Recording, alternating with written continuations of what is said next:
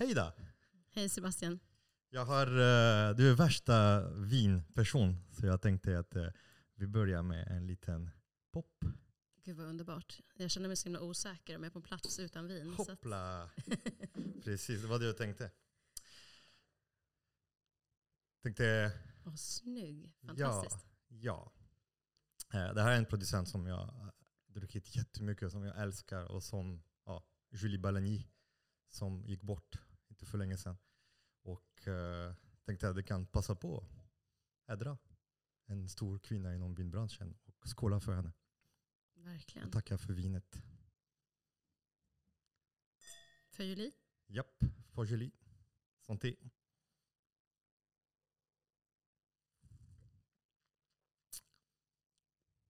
Mm.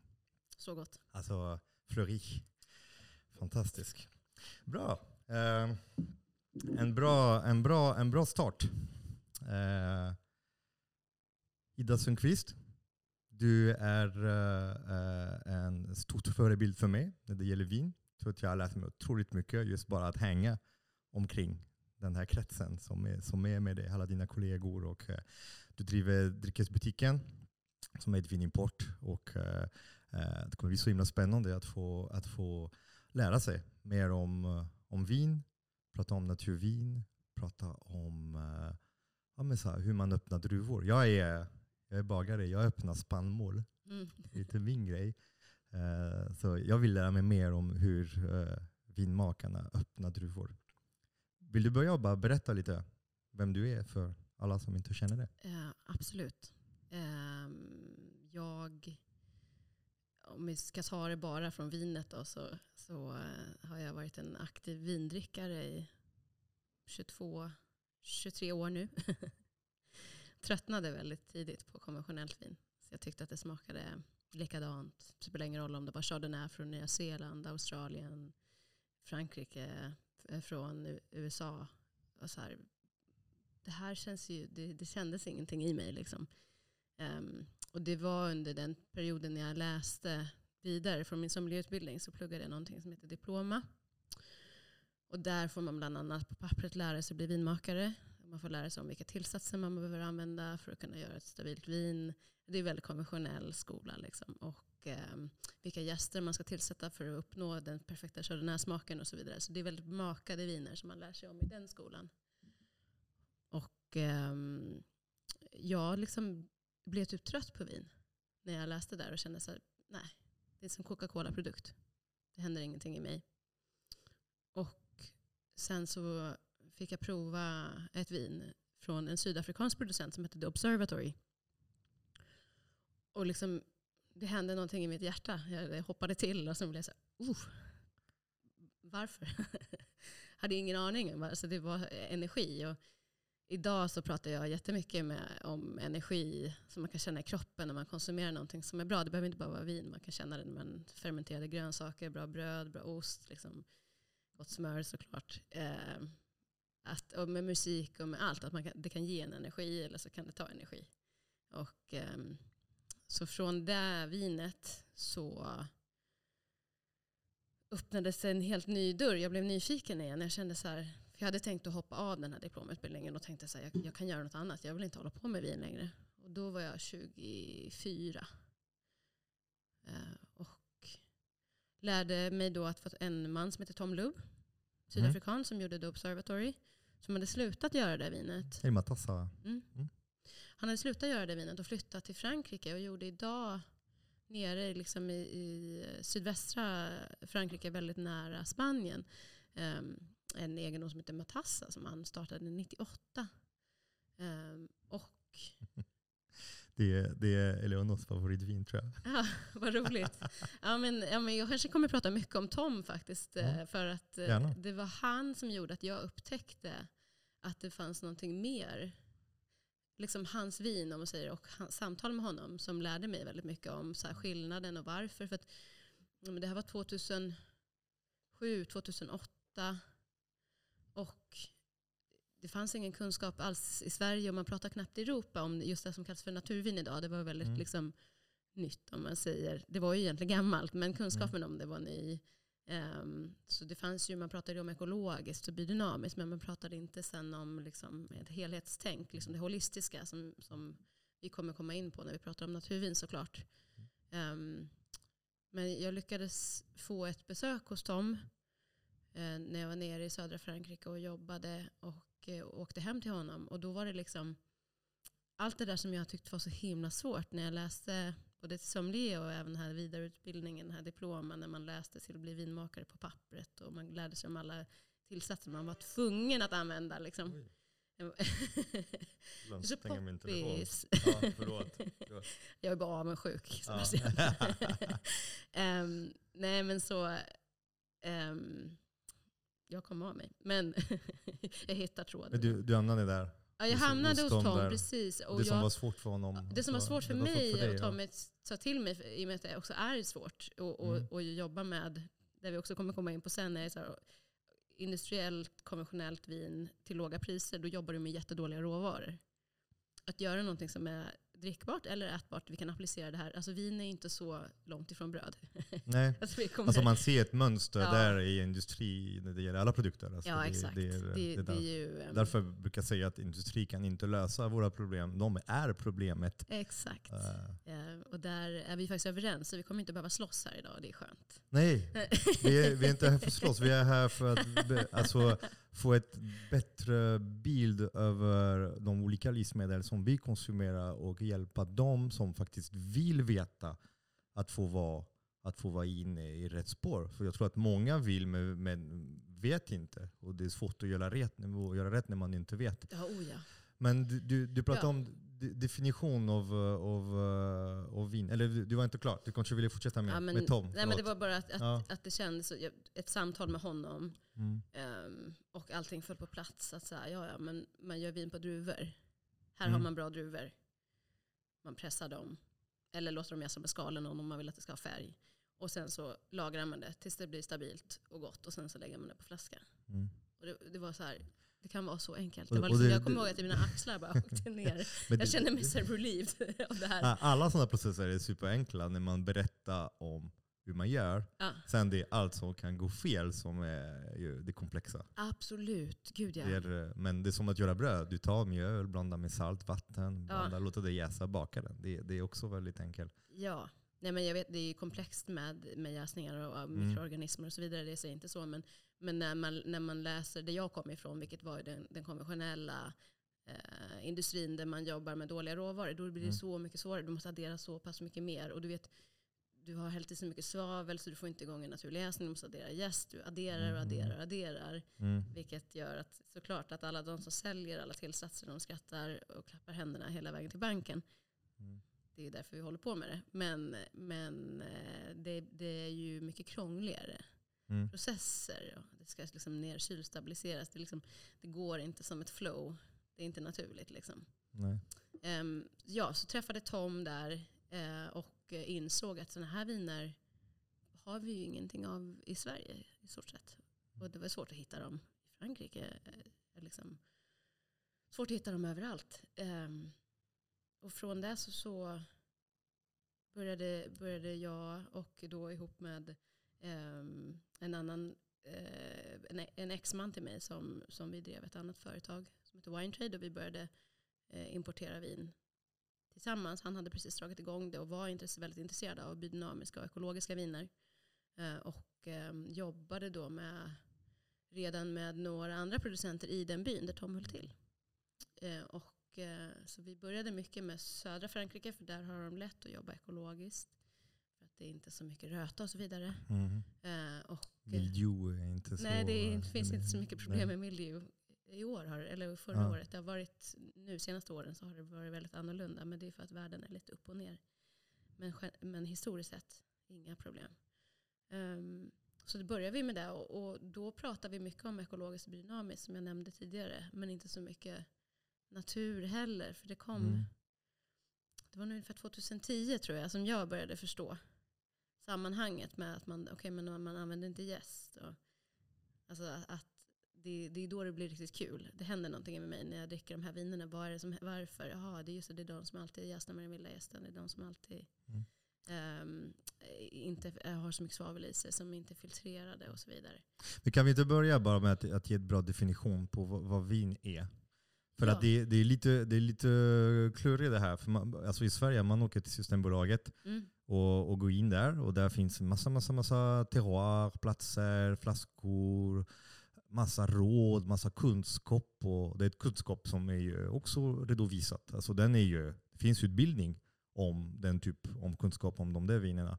Och eh, eh det, det jag märker, det är precis som du sa innan, det är det skillnad på energi och sen att plötsligt när man har bara druvan att jobba med, Mm då måste man ju, man är här, det är jag och druvan. Mm. Och det det, det är den känsla jag har alltså, när, jag, när jag bakar. Alltså, det är jag och spannmålet. Mm. Sen resten det är upp till mig och det är upp till mig att hantera. Och det är det som gör min produkt äkta. Ja, det, är, ja, det är personligt, alltså det är en person, det är massa beslut man tar och så. Men hur, hur, hur funkar det med alltså, de där vanlig vin? För jag, jag brukar skoja när, när jag pratar naturvin med, med mina gäster. Jag brukar säga så, alltså, de där den dag jag har lärt mig om naturvin, Mm. då såg jag alla andra vin som lingongrova. Ja. Alltså ett halvfabrikat, processad produkt som påstår vara någonting den inte är. Mm. Det är ingen lingon, den är knappast grov och, och, och den är gjord på ett industriellt sätt. Och tänkte att då fick jag ge upp min Chateauneuf du Pape och min Chablis. Där, där, där dog de. För att Mm. jag kom på att de innehöll en massa olika produkter. Och så. Men hur kan man skilja? Kan man inte bara fixa? För det, jag vet att många går till Systembolaget och frågar om naturvin och får allt möjligt när det gäller svar. Jag har hört så mycket över att det finns ingenting som heter naturvin och naturvin är bara tramsare. De är väldigt funky och alla gillar inte funk. Uh, så att, uh, kan inte du bara dra en, en bra, alltså vad skiljer naturvin som du säljer och importerar till Sverige och uh, konventionell vin då? Det vanliga vinet som alla har tillgång till i Sverige. Mm. Um, jag, har- det finns, jag ska försöka hålla mig till en kortfattad variant av det här. För att det är så komplext eh, på grund av att det är inte alla konventionella viner som är do, gjorda med dålig kvalitet. Mm. Ehm, alltså det, och det är ju inte alla naturviner som är heller bra kvalitet. Mm. Alltså det, är så här, och så, så finns, det är en smakaspekt i det här också, för personlig smak är ju så, liksom, så otroligt personlig såklart. och eh, där vissa tycker att en sak är jättegott så kanske de tycker att en annan sak inte är jättegott och då kanske de också blandar ihop vad kvalitet med det. Liksom, vilket är ju inte behöver stämma. Liksom. Det fin, finns ingen så här, ja, det finns, jag, en, jag en gräns vad som skiljer en, en naturvin från en inte. Absolut, gud ja, det gör det verkligen. Och, Mm. ehm, ehm, det som är egentligen, om man tittar på det, så eh, naturvin är gjort på druvor, punkt. Mhm. Ehm, och inom konventionellt vin så finns det nu, om jag minns rätt, så inom EU ungefär 200 tillsatser. Jag har faktiskt inte, jag har inte Mm. pluggat på här Sebastian just för den här Mm. träffen, men jag vet att utanför Europa typ 250 tillsatser. Jag tror att det är typ Inom EU. 63 plus sulfiter, men i de som 63 finns olika märken av samma tillsats. Så det finns ju en rad som Ja, är tillåtna. exakt. Precis, det är väldigt många olika. det är, eh, ja, jag har en, en rad. Det är typ tanniner, drivgaser, vinsyra, gelatin, olika typer av suror. Typ askorbinsyra, citronsyra och det finns bentonit. Ja, precis. Alltså, och där är sådana stora, stora grupper av, Ja. av, eh, av tillsatser som är Ja. tillåtna. För det, precis, och det är ungefär 200 tillsammans i de där olika genrerna. Liksom. Mm. Ehm, för bara inom ekologiskt vin så finns det ju lite drygt har de 50 tillsatser som är ekologiska som är tillåtna. Mm. Ehm, men så naturvin är alltså, en person som vill göra naturvin, dens mål är ehm, det rena målet om man ser på någon som är ärlig och vill göra naturvin, den vill ju spegla ursprunget. Mm. Alltså den vill göra vin på druvor och då ehm, där de inte tillsätter massa saker för att manipulera för att det ska spegla sin växtplats. Mm. Och det är liksom den renaste formen av så här, varför gör man naturvin? Eh, vad vill man få ut av det? Och när man gör vin på det sättet så eh, krävs det ju att man är väldigt, väldigt duktig. Att man håller väldigt hög kvalitet på råvarorna, alltså druvorna, att de är, är handskördade, att de är noggrant selekterade. För att om du inte väljer att använda några av de där tillsatserna som du har på din lista, då måste ju grundsmaken vara väldigt bra. Men Mm. däremot om du väljer att jobba kon- konventionellt så kan råvaran vara ganska kass. För du kan ändå smakkorrigera den väldigt, väldigt mycket idag med liksom, um, hur matindustrin har utvecklats liksom, de sista hundra åren. Mm. Det är ju en enorm skillnad. Alltså förr i tiden, för på 1950, 60, 70-talet så var ju, även 80 faktiskt, alltså billigt vin var surt. Det var, inte så, det var rätt tråkigt. Liksom. Och idag så kan billigt vin smaka, de, de, de är formade precis som McDonalds jobbar med att man ska få kickar av deras smaker och så vidare. Och så jobbar ju de här stora eh, livsmedelsföretagen med att ta fram en billig bag-in-box som har smaker som då tilltalar människor. Det är därför jag pratar om Coca-Cola-produkt, för att det ofta går liksom åt det hållet. Mm. Um, men så att, eh, tillbaka till naturvinet så är, är det väldigt, väldigt viktigt att du är duktig på att odla. Det är viktigt att du är duktig på hygien. Det är viktigt att du måste ha superkoll på kemin. Eh, för att kunna göra vin helt utan tillsatser. För det är mycket svårare än att kunna bygga upp. Som att, som att göra en tomatsås på dålig, tråkiga tomater så adderar du massa kryddor och socker och grejer så kan du ändå bygga någonting som är ganska bra. Precis så kan man jobba med dåliga druvor om man jobbar konventionellt. Men jobbar du naturligt så har du liksom inte en... Du, druvorna är där du har. Liksom. Mm. Um, så, att, eh, så egentligen, naturvin är, är gjort på druvor och det som man alltid har gjort vin fram till att den här stora, liksom, det som vissa kallar för revolution, som jag gillar att bara kalla för liksom, alltså det, liksom, industrialiseringen mm. egentligen. Um, bra på vissa sätt men jätteförödande på väldigt många andra sätt. Um, där man då uh, försöker att bara effektivisera Eh, man vill tjäna så mycket pengar som möjligt. Man vill få ut så hög volym som möjligt från så litet område som möjligt. Det här gäller ju all, all mat såklart. Liksom. Inte bara vin. Um, någonting som, som gör det lite krångligare för vanlig konsument, tyvärr, vilket jag tycker är supertråkigt, är att um, nu, nu har det här ändrats, men det har varit liksom olagligt att skriva ut ingredienser um, på alkoholprodukter inom EU. Mm. För alltid. Och det gör att eh, som konsument, om du inte är vinnörd och har läst på jättemycket eller har kompisar som håller på med vin, så är det väldigt svårt att gå och så tänker du så ah, jag, jag köper ett ekologiskt vin kanske, för det är ändå bättre. Och så har du ingen aning om att det innehåller dels animaliska produkter och ja, men säg 43 tillsatser. Man, man har sett de där vinerna där det står vegansk på för att just ja. de inte använder gelatin eller ja. äggvita äh, pulver för att kunna kvalifiera vinet. För det är det, livsmedel man har lag, man måste redovisa innehållsförteckning. Och mm. just inom vin, det har varit inte ens att man inte behövde redovisa innehållsförteckning, det är att man inte fick det. Mm. Att man fick inte redovisa någonting mer än sulfiter som sulfiter bildas naturligt när man fermenterar druvor, eller hur? Och då blir det ja. fria sulfiter som bildas. Mm. Men det finns de tillsatta sulfiter som, om jag har förstått rätt, finns ganska mycket i, i de billiga industriella viner. Ja, precis. Eh, även många naturviner innehåller en liten tillsats av sulfiter. Mm. Men man har som generell det finns eh, ett mängd som är typ ja. över ett viss mängd då man räknar inte som naturvin längre. Över 30 gram totalt, då är det både det fria och tillsatta. 30 milligram, milligram. milligram per liter? Mm. 30 milligram per liter. Mm. Okay. Det är för att det är så att vissa år, um, vissa druvor, vissa pH-värden, alltså beroende på vad mm. förutsättningar som vinmakare, så kan du bli av, eller liksom hela din skörd kan bli dålig om du inte tillsätter lite sulfiter. Mm. Och svavel, som då sulfiter, det är ju ett naturligt ämne egentligen. Och mm. har man bara lite grann så det är inte farligt. Liksom. Mm. Eh, och det, för, det förstör inte smaken heller. Det förvränger inte smaken så mycket om man använder lite grann. Svaveldioxid, SO, ja, SO2. Exakt, ja. exakt. Eh, så därför så har mm. alla de naturvinssammansvärjningarna som det finns. Mm. De största är ju Association med Naturell, den franska. Och så har du Vin Natur i Italien. De har godkänt att så här, men om vi, när de gör kontroller så har man mer än 30 milligram totalt per liter så då räknar man, då har du inte du försökt göra ett naturligt vin. Då har du excess. Liksom. Man mm. behöver inte ha mer än så för att göra vinet stabilt.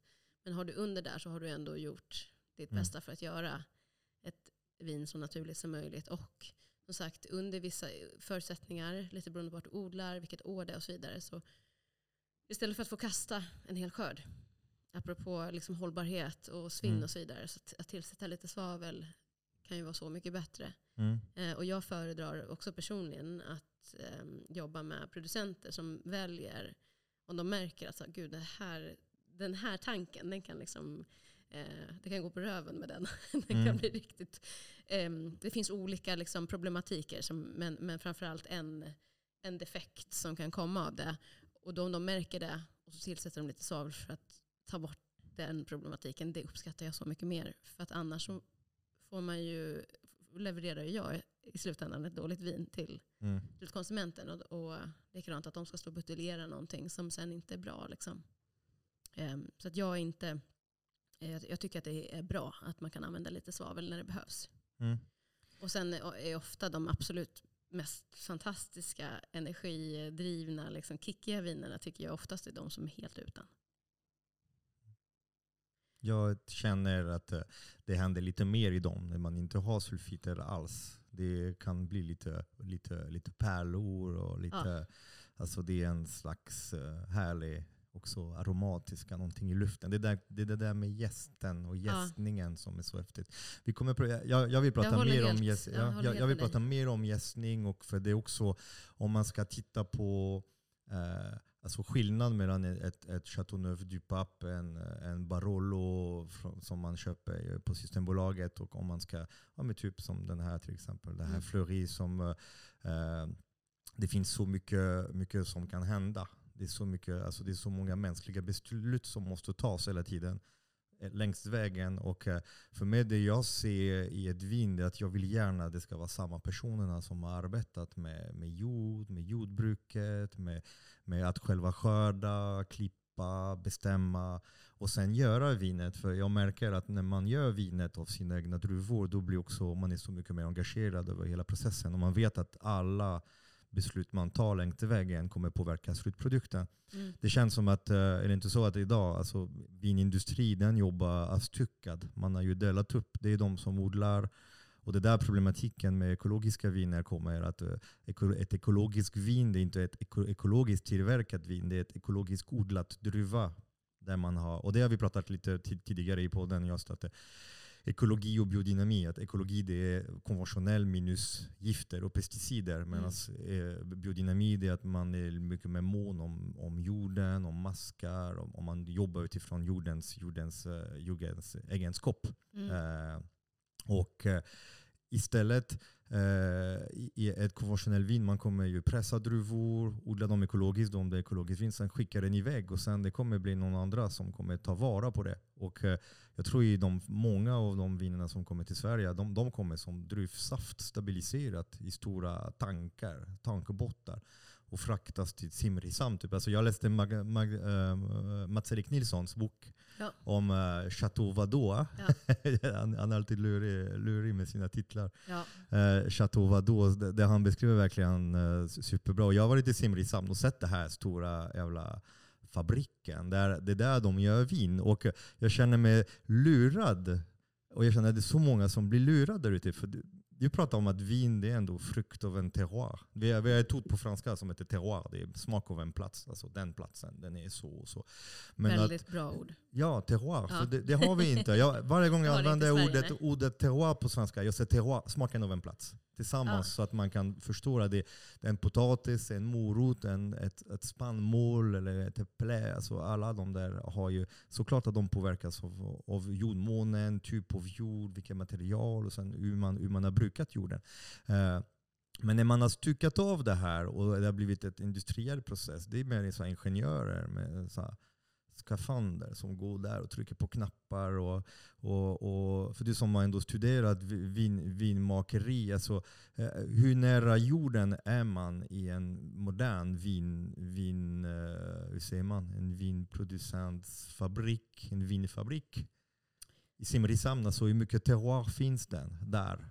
Vet du, eh, eh, jag jobbade aldrig själv som liksom konventionell vinskapare, Nej. vinblandare och så vidare. Nej, du, du gjorde Eh, cider, eller hur? Ja, ja, men det, det- var ju är det verkligen inte- det var inte konventionellt alls. Det var ytterst okonventionellt. Okej, Smakade så också. Det är därför jag inte har lanserat den än. okej. Men, nej, men så här är det. Jag har faktiskt en gammal bekant till mig som jobbade just Mm. i... Han blandade några av de störst säljande boxarna i Sverige. Ehm, Malumba eller något sånt. Alltså det finns... Mm.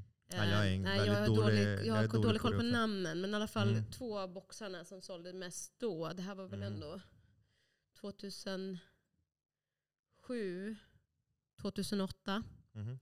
En, kille, en sydafrikansk kille som heter Danny som jag lärde känna via en gemensam vän från Nya Zeeland. Och han, eh, jag lärde känna honom när han flyttade eh, till Sverige för att det var min kompis Hamish som hörde av sig och sa så här. Jag känner en kille som heter Danny, han kommer bo i Stockholm. Mhm. Han känner ingen där. Ta hand om honom. Så att jag och några kompisar, vi bara vi tog hand om honom. Och så han berättade väldigt mycket för mig och för oss om hur hans jobb var. Mhm. Eh, och eh, det, han sa bland annat, kom, liksom kom hem till mig en gång och bara oh fuck you Swedish people, you have no clue what you drink. I put so much shit in, your, in those wines. Alltså Mm. han, han, han var själv från en vinmakarfamilj av lite mindre skala men ändå utbildad konventionell vinmakare om man säger i Sydafrika. Och de sålde sina viner till den importören som gör de här stora boxvinerna och som också har blandstationen i Simrishamn. Men när han började i Sverige så hade de en blandstation i norra Italien. För Simrishamn var inte byggt än. Mhm. Så han var med om att de började bygga upp Simrishamn men de sa ingenting till italienarna för de ville att produktionen bara skulle fortsätta. Så de inte skulle eh, ge en heads up till dem utan det skulle bara rulla på. Och sen helt plötsligt en dag så skulle de bara flytta. Eh, Så italienarna blev väldigt ledsna för de hade liksom Mm. Eh, så att han, så han var med också och gjorde vin sen i Simrishamn. Så han har varit på båda ställena. Eh, han var kvar i Sverige ett år extra vet jag också för att han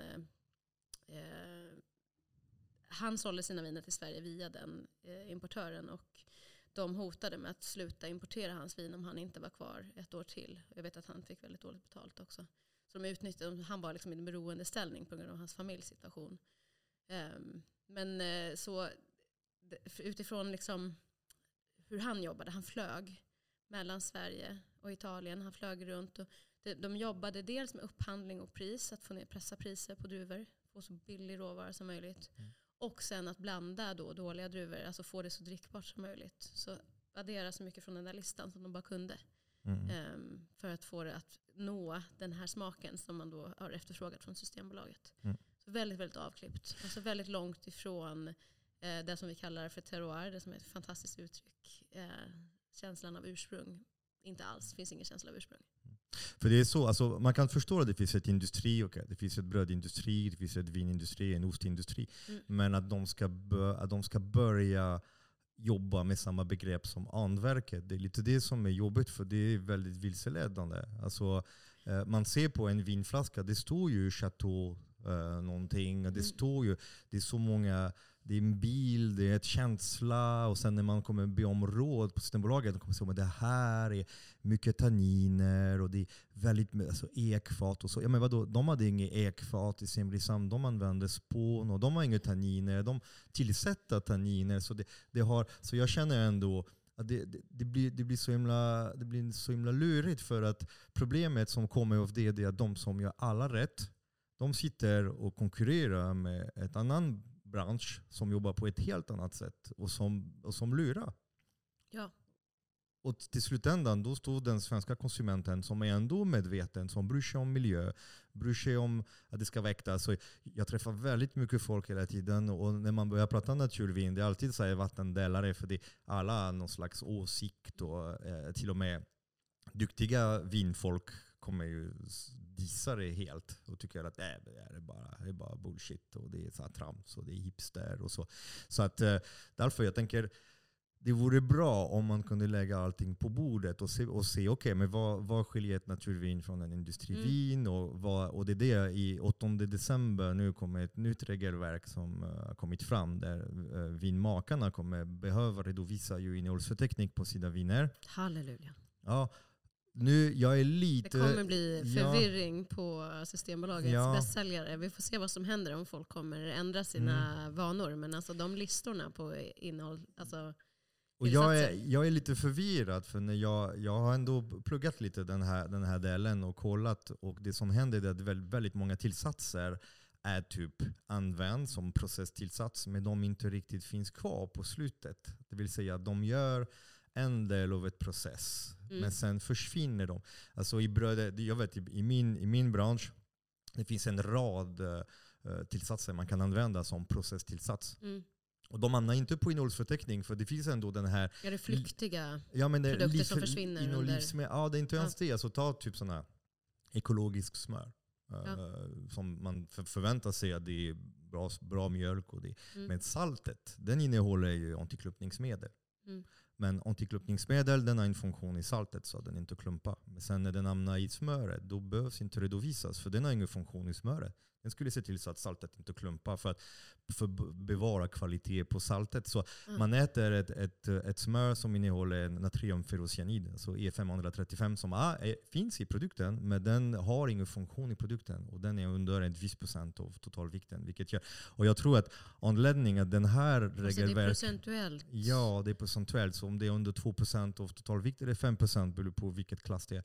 Då, kommer ju, då finns inga krav på redovisning. Så Oj. det jag är lite rädd är att industrin kommer ändå komma undan. Och det är lite därför det har gått så bra att ta fram den här, den här lagstiftningen. Så jag, jag känner att man borde inte lägga för mycket eh, stort hopp i att plötsligt kommer vi avslöja att, att vinindustrin kommer att avslöja sina, sina hemligheter. Mm. Eh, för att det är väldigt mycket som inte hamnar på slutet. Typ jäst som man använder som är standardiserat speciell jäst för att skapa vissa smaker.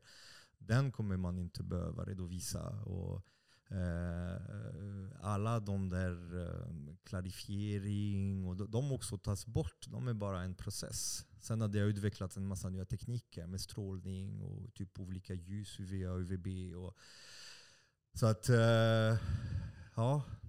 Jag tror att det kommer, bli, det kommer bli en fortsatt kamp och det är därför jag tycker det är så viktigt att vi definierar vad är naturvin, att vi fortsätter gräva oss ner i, i relationsmat. Mm. Alltså mat och dryck som man kan spåra tillbaka till en plats där det finns människor med värderingar, med kunskap som verkligen gör ett bra produkt. Och då kan man skilja dem.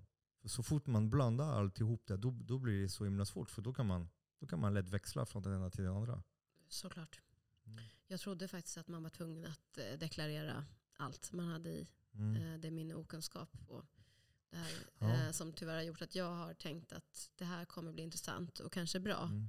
Ehm, Men det har ju funnits en otroligt stark lobbyism inom EU för att, eh, in, att man inte ska ha en innehållsförteckning från Alltså för de som tjänar mest pengar inom alkoholindustrin är ju såklart de som tjänar mest pengar. Mm. Och det är de som har mest icke-råvara.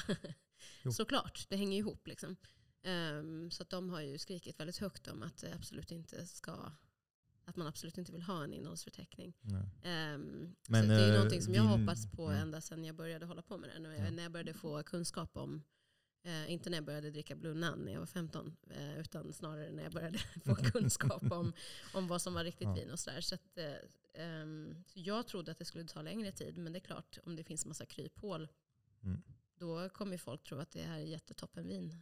Det, det är massa kryphål och det finns också lite vilseledande begrepp, som eh, Ja. alltså citronsyra. Jag tror väldigt många tror att det kommer från citron och eh, vinsyra. Det kommer Mm. Ja. från, från att det vin. Och, eh, de flesta skulle veta att det kommer från majs och spannmål och glukos. Och det, det är ett väldigt högprocessat tillsats. Och eh, Ja. namnet är inte en, en begrepp. Och jag vet att alla som tycker att eh, man snackar trams där när man håller på med så här tänker att askorbinsyra, vadå det är C-vitamin och det är helt naturligt. Men eh, det måste ändå finnas en slags skillnad på en, en tillverkat C-vitamin och, och en, en naturligt C-vitamin man hittar i en solmogen apelsin.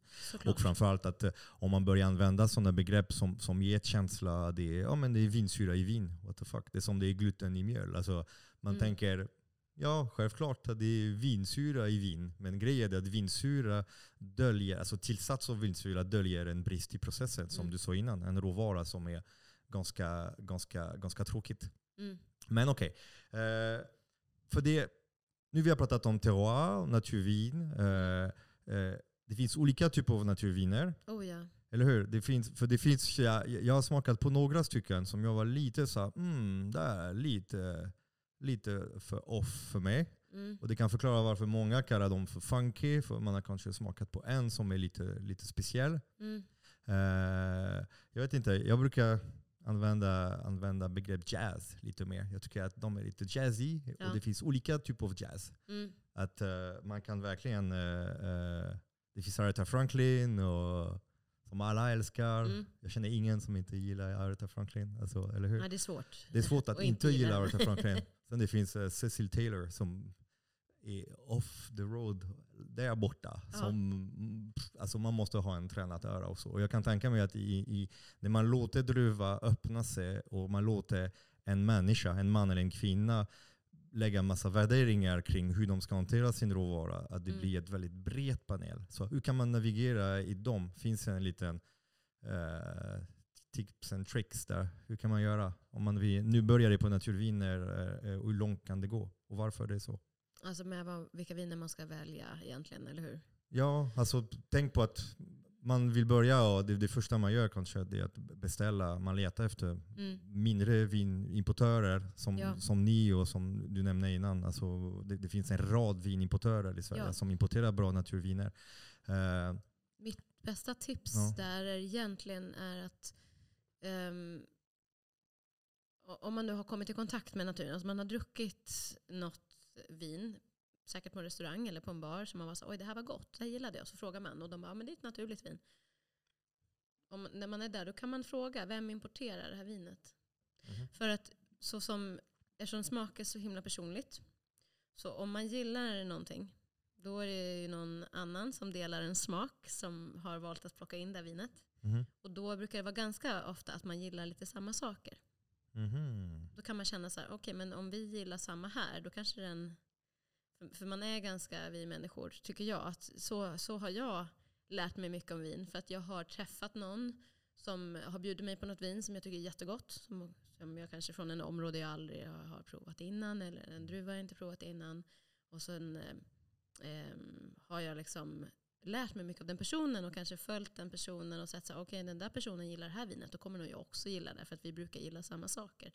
Eh, Så man brukar, man brukar dela smak ganska ofta. Ehm, Och så därför kan det vara bra. Och, och då också om det är något som man då tyckte inte alls var ens egna jazz så att säga. Mm. Då kan man också säga, jaha det kommer från den importören. Ja då kan man vara lite försiktig med att beställa därifrån kanske. Sen kan man, man, man måste ju våga prova tycker jag. Men, men som, liksom, som grundregel kan man tänka att sakerna man gillar, ta reda på vem som tar in dem. Eh, så kan man också höra av sig till den importören och säga så här, jag drack det här vinet, jag tyckte det var helt fantastiskt. Eh, hur får jag tag på det? Och har ni andra tips på liknande viner som ni också tror att jag gillar? Mm. Där har man, liksom, då har man etablerat en kontakt och så får man liksom också råd och tips. Och det är precis så som man skulle ha gjort om det fanns öppna vinbutiker. Man går in och man frågar, hej, åh, jag brukar gilla det här, vad har ni som är liknande? Men det får man då ofta sköta via mail.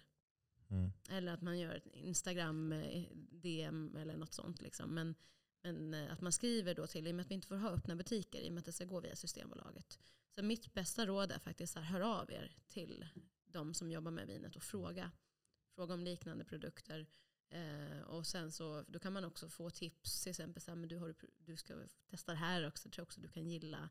Eh, alltså vi som jobbar med vinet har ganska lätt att sätta en smakprofil på folk, att förstå vad folk tycker om om de beskriver det. Liksom. Hur skulle Och, du eh, beskriva min smakprofil då? Din smakprofil? Ja. Eh, ja, men, För jag du- gjorde exakt som du sa nu när vi pratade. Ja. jag beställer vin från dig, det är bri. ja, Ja men jag gillar, ja du vet vad jag gillar. Ja. Inte du bara.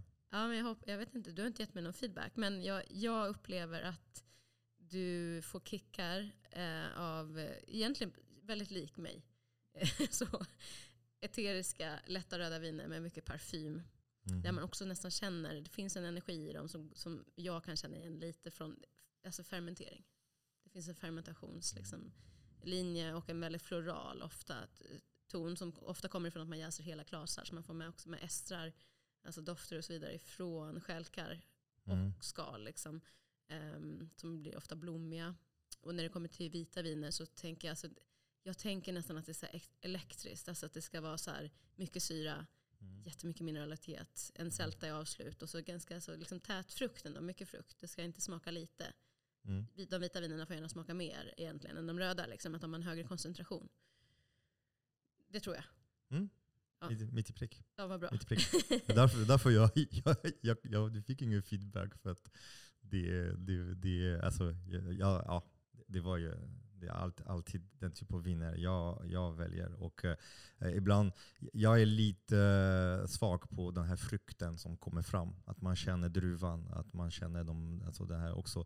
Jag gillar när man tar en ganska stor första klunken och sen låter det ringla lite i munnen sen man andas ut med näsan efter man har svalt och man får det all det volatila som kommer fram.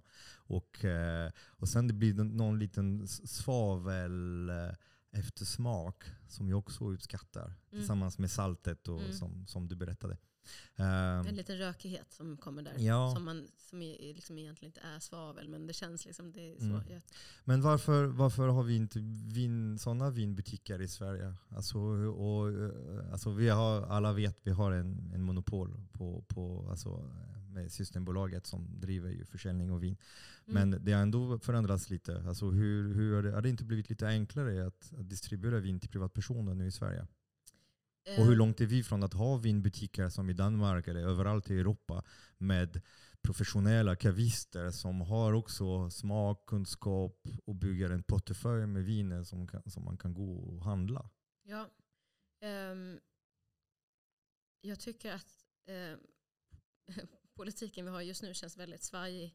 Um, och liksom vad de satsar sitt krut på uh, känns också väldigt svajigt. Så just nu att uttala sig om så här, men när monopolet eventuellt försvinner, det känns väldigt, väldigt liksom volatilt.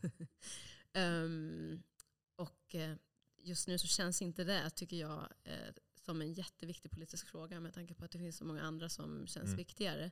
Men um, det är jättetråkigt just för jag tänker på ni som älskar att dricka vin och som vill ha hjälp med att få tag på den här typen av vin, att det är lite av en djungel för att man har ett systembolag som inte har utbildningen, som inte kan så här, åh, då gillar nog du det här, jag tror att du gillar de här producenterna också. Um, om man tittar på um, Systembolaget, hur de köper in vin, så i deras definition på vad naturvin är, är om producenten och leverantören hävdar att det är ett naturligt vin så är det ett naturligt vin. Okay. Förstår du hur mycket fusk det här är? Ja, på Gent säger att de gör bröd. Nu, ja, eh, med kärlek. med kärlek. Så, okay, ja, då måste det, vara, det måste vara bröd då. Så, att, så du kan idag, de skickar också ut förfrågningar mm. på ett naturligt vin som då ska vara ekologiskt odlat och gjort utan tillsatser. Det vill säga med bra råvaror. Mm. Som de, nu vet jag inte det billigaste, men vi säger 149 kronor på hyllan. Mm det är inte gjort på ett bra sätt. Det finns så mycket tillsatser. Då tittar de på, men det är inget svavel i det här. Nej, mm. men det är 20 andra tillsatser. Det är en rad, det finns andra. Mm. Så det finns mycket fusk. Eh, Systembolaget, den här typen av upphandling och deras förfrågan på väldigt låga priser ihop med att mm. de då säger att ja, men om leverantören och producenten hävdar att det är naturligt vin så kommer vi lansera det som naturligt vin. Mm det bäddar ju för väldigt, väldigt mycket fusk ja. och väldigt dåliga viner som inte alls är naturliga. Som förstör också lite mm. för den, om man säger att en person inte har haft turen att gå ut på en bra vinbar eller krog. Liksom, de var inte på Gamla och fick ett fantastiskt eh, mm. glas vin. Eller de var inte på Savant och upptäckte någonting. Utan de gick till Systembolaget och så, åh naturvin, det har vi läst om. Eh, och hört så mycket om. Det ska vi testa. Vi köper den här flaskan för 149 kronor. Eh, och så kommer de hem och så bara så är det liksom öken. What's the, yeah, ja. what's the, um, och, och det, the catch? Och så när de då, om att de skulle istället gå in och fråga så här, ah, men vi vill ha spännande naturvin som ger energi och som smakar lite så här. Det är väldigt få i personalen som kan då tipsa om det. Um, och som, som du sa, det finns mycket personal som har utbildning och är duktiga på vin, men mer inom det konventionella, traditionella skulle jag säga. Det finns mm. några, eh, finns några liksom fall där det finns personal på Systembolaget som är jätteintresserade av naturvin och kan mycket. Men de är inte många. Mm. Jag känner några bagare på dagligvaruhandel som ja. bakar sitt eget bröd hemma. Alltså, ja. De är på jobbet, bakar på ett visst sätt, sen de åker hem och, och gör sitt eget bröd för ja. att de vill äta riktigt bröd. Och, eh, att gå till Systembolaget och be om naturvin, det är alltså att gå på, på Ica Coop och be om, om bröd. Ja, precis. Om bra bröd. Ja. Alltså, de har ett begränsat sortiment. De har det som är där, det som är på hyllorna. Och eftersom de inte har the real deal, då måste man bygga någon slags story kring det och, och, och hitta på någon slags story som håller. Ja, Vilket är väldigt tråkigt för till slutändan det är det är folk som förlorar för då, får man, då missar man någonting jättestort. Alltså, Ja. den, det där vinet som vi dricker nu, alltså det, det händer så himla mycket i den. Det är inte bara heller att man kan, man kan spåra hela vägen till producenten. Man vet vem som har gjort den. Att, att det, är- man känner också motståndet motvinden, den här kampen med, med klimat, med, ja, med folket. Och, alltså det, det är en sån efter, det är det man köper också. Alltså de där mänskliga beslut som har tagits och eh, att man har bara öppnat druvan och komma till, till det här. Så här mm så jag Ja. känner verkligen när jag öppnar flaskan och bara stoppar näsan i den att det blir så skillnad. Jag önskar att alla kunde få uppleva det här någon gång. jag med. För då får, då får man ju energi. Ja. Alltså, det är ju underbart. Men, men- men bara tillbaka till varför vi har kvar monopolet. Det är ju ett ekonomiskt incitament för att eh, staten tjänar väldigt mycket pengar på det. Eh, de hävdar Men de skulle kunna tjäna pengar på vin på samma sätt om det är någon annan som säljer det. Alltså man skulle kunna ha samma, samma grej där. Alltså I alla europeiska länder det finns vinbutiker och staten tjänar pengar på, på vin också. Och det som, jag- ser också framförallt det skulle öppna för, för nu vi också håller på att bygga en, vin, en vinland. Alltså Sverige Mm. håller på att bli en, en liten nyfödd vinland. Vi har, vad, hur många gårdar har vi? Vi har typ 50 någonting gårdar. ja, som producerar- 50. Och ja. det blir ju fler hela tiden. Ja. Alltså, med tanke på hur klimatet förändras så, så Och att blir det- vi mer och mer en växtplats som fungerar väldigt bra för vin. Det Ja. var vi ju inte för 15 år sedan. Nej. Inte Det 10 fanns- heller. Det fanns ett humorprogram i Frankrike på 90-talet där de, de pratade lite om klimat, för de ville prata om klimat men de ville inte, de ville inte att det skulle vara för seriöst för annars Nej. de var rädda att folk skulle, skulle titta på något annat. Så de hade alternerat så här, forskare som pratade klimat och sen lite komiker. Och det var en komik som kom, åh, oh, oh, kolla här, jag, har mi- jag har köpt vin från Sverige. Och alla sa, ha ha ha, alla skrattade. Så här. Det var jätteroligt när man tittar på det nu och ser att eh, det finns, jag har smakat på fantastiska viner som är Ja. faktiskt gjorda i Sverige. Och att, eh, att öppna den här försäljningen, kanske inte för sprit, men i alla fall för öl och cider, och alltså Ja. lågalkoholdryck, att det skulle också vara ett lyft. Eh, Man skulle kunna bara eh, alltså bygga ett landsbygd som funkar och gårdar som producerar cider och, och vin och öl skulle kunna sälja direkt också Ja. ansvarsfull fast eh, direkt utan att behöva gå via ett supertung logistiksystem. Vilket gör det superkomplicerat. Ja, och det är ju väldigt svårt som liten att få leverera till de här jättarna. Det kan man ju Mm. se inom matindustrin, eller förlåt, mathandeln. Om man tittar Mm. på handeln, dagligvaruhandeln, liksom som liten producent som gör fantastisk ost på några fjällkor uppe i Mm. Norrbotten. Du kommer inte komma in där. Du Nej. kan inte leverera vad de vill ha. Likadant som liten dryckesproducent så är det svårt att leverera till Systembolaget. Mm. Det går att komma in liksom på liksom, ehm, dina tre närmsta systembolag om du producerar någonting lokalt till exempel. Eh, men det är ju inte säkert att de systembolagen har kunder som bryr sig om den typen av kvaliteten till exempel. Eh, och, eh, så hade vi haft, för att komma tillbaka till det här, varför inte vi har kavister, varför har vi inte den här typen av handel där faktiskt vi då, dryckesbutiken, eh, jag har det här namnet av en anledning. det är klart att vi vill ha en butik öppen för alla. Där folk kan komma och ta upp sin, så här, vi köpte den här fisken hos handlaren där borta, vi tänkte laga den ikväll, hur ska vi göra, vad ska vi dricka Mm. till? Eh, så man kan få prata och ge dem en jättehärlig kväll. Att man hjälper dem, jag menar, det skulle de väl ha ändå, men att man eh, liksom, som en förlängning hjälper dem att få en fantastisk upplevelse. Mm. Med både mat och dryck. Ehm, och där är vi ju inte idag. Och det som är tråkigt, tycker jag, eh, tråkigaste med Systembolaget, det är att hade de uppfyllt sitt uppdrag, som de hävdar att de Mm. har, så hade det inte varit något problem. Dricka mindre, mer kvalitet. Mm. Mm. Men de säljer ju otroligt stor mängd bulk eh, som är gjorda på ett jättedåligt sätt. Både för om man kollar på vad, vad produkten innehåller näringsmässigt. Så för liksom ens egna hälsa jättedåligt om man tittar på de som producerar det. Mm. Om man tittar på de som arbetar med att skörda de här druvorna. Eh, för någonting som Alltså för 1,50 i timmen. Alltså det, är inte, det är så ohållbart att ha så billiga produkter och sälja dem i så stor volym när man, är, när man har det ansvaret som statligt monopol.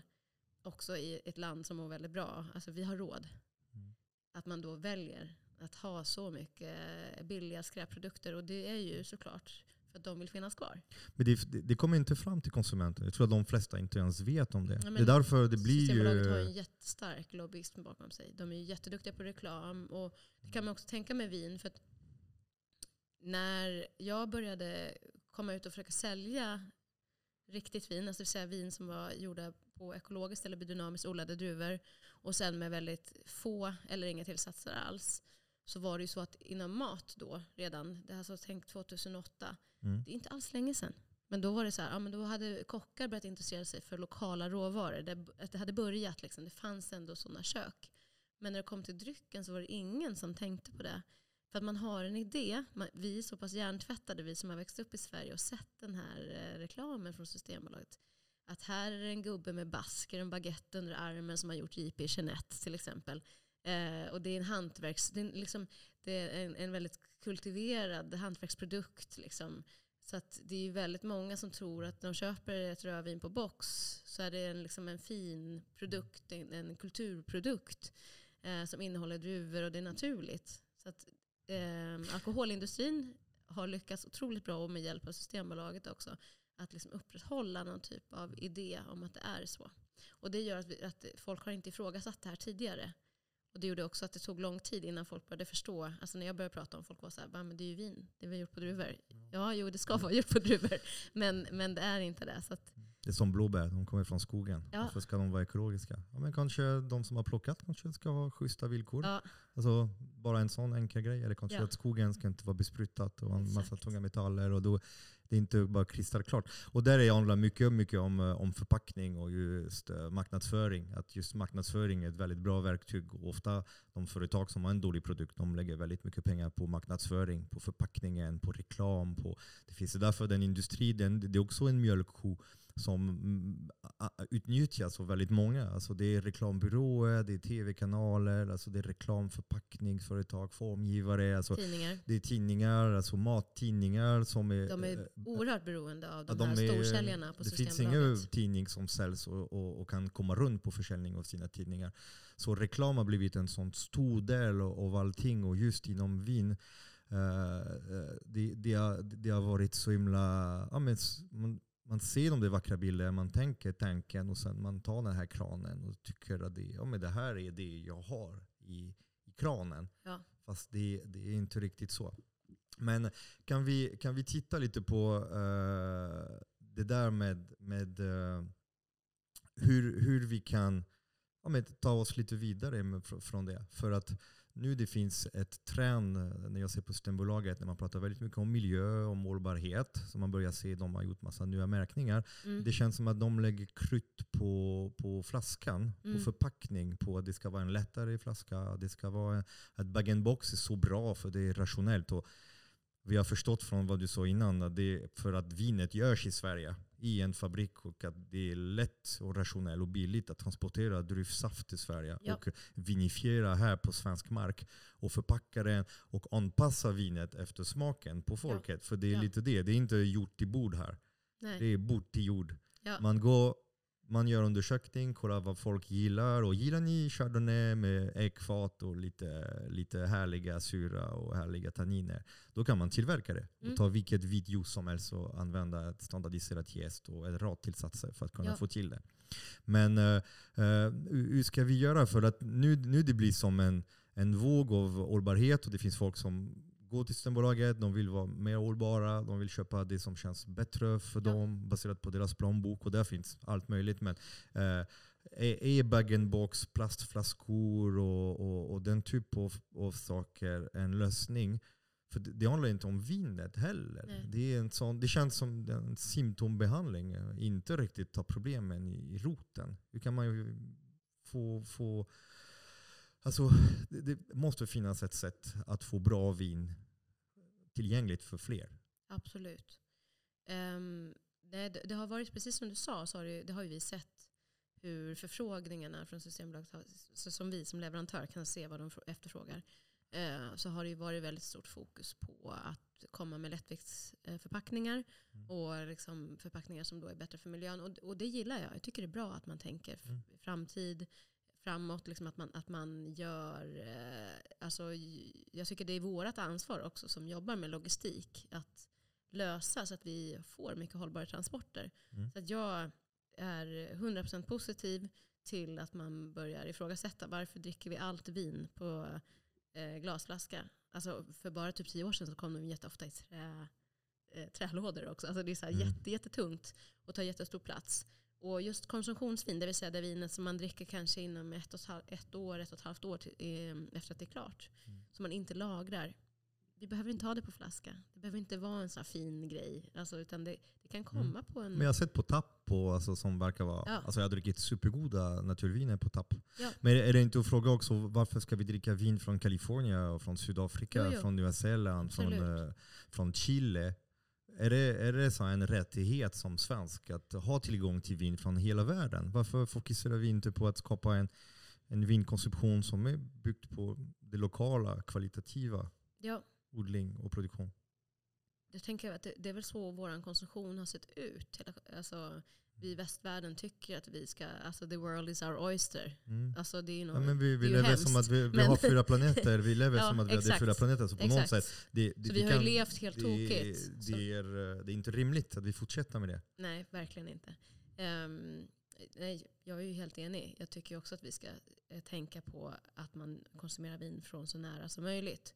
Eh, jag själv distribuerar bara en svensk vinproducent till exempel. Sen jobbar jag väldigt mycket med Europa. Så att jag eh, ska liksom inte kasta sten i något glashus här.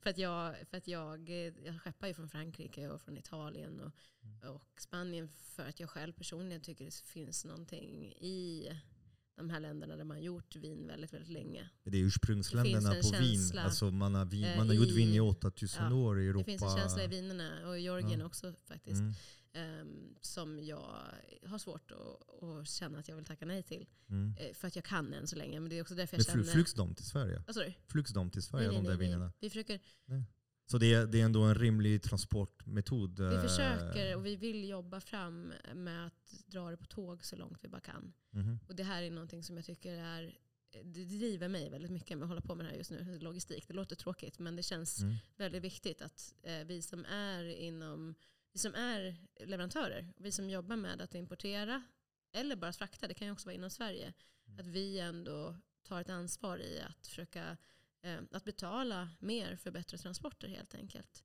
Och det var någonting som precis innan corona så hade vi kommit ganska långt i det här med diskussion med en partner. Sen kom corona tyvärr och efter det kom det här Ukraina-kriget. Så vi ligger lite back på det här jobbet och det är någonting som jag tycker är väldigt tråkigt. För det Mm. känns superviktigt och väldigt, väldigt urgent. Det känns som en mycket större kris än coronakrisen. Så att, alltså miljön och vår framtid är, Mm. ehm, borde prioriteras mycket högre. Men så Systembolagets jobb med lättviktsförpackningar, det tycker jag är jättebra. Det gjorde också att mycket mer naturliga viner kom in på marknaden för att eh, en del unga producenter som jobbar med naturligt vin och har ett ho- holistiskt tänk när det kommer till eh, både till liksom, klimat och inom det, alltså när det kommer till klimat, svinn, transport och hållbarhet. Eh, de har ju redan börjat tänka på att lägga sina produkter i en lättviktsförpackning och inte för att tänka att vi ska sälja jättemycket på Sveriges systembolag utan vi vill göra någonting som dels har en billigare förpackning som är mer miljövänlig så att vi kan sälja det till en större mängd människor som kommer ha råd med det och för att det, att det är många synergier i det som är bra. Liksom just att det är mycket naturliga viner som har gjorts på can, Pet Nat till exempel på liten can. Mhm. Eh, för att man tänker redan i de banorna, vissa producenter är redan inne i så hur kan vi minska vårt avtryck. Liksom. Ja, pe- petnat är jättegott. Mm. Pe- petnat står för petillon naturel. Exakt. Så det är naturligt bubblig. Det är en Ja. slags det är då det är kolsyra som bildas. Då fångar man det. Man, man behår det. Blir så här superhärlig, fresh sommar, härlig, äkta. Ja. Ja. Tack för att du förtydligar. Ja. Ehm, nej men så, så på så sätt så kom det in mer naturviner Mm. på Systembolaget. De- Det var inte att de efterfrågade, de efterfrågade vissa förpackningar så kunde vi möta det. Ehm, men sen så, så vill man ju att det ska gå hand i hand, att, att de efterfrågar en bra produkt i en smart förpackning. Känns Mm. verkligen viktigt för att kunna göra förändring.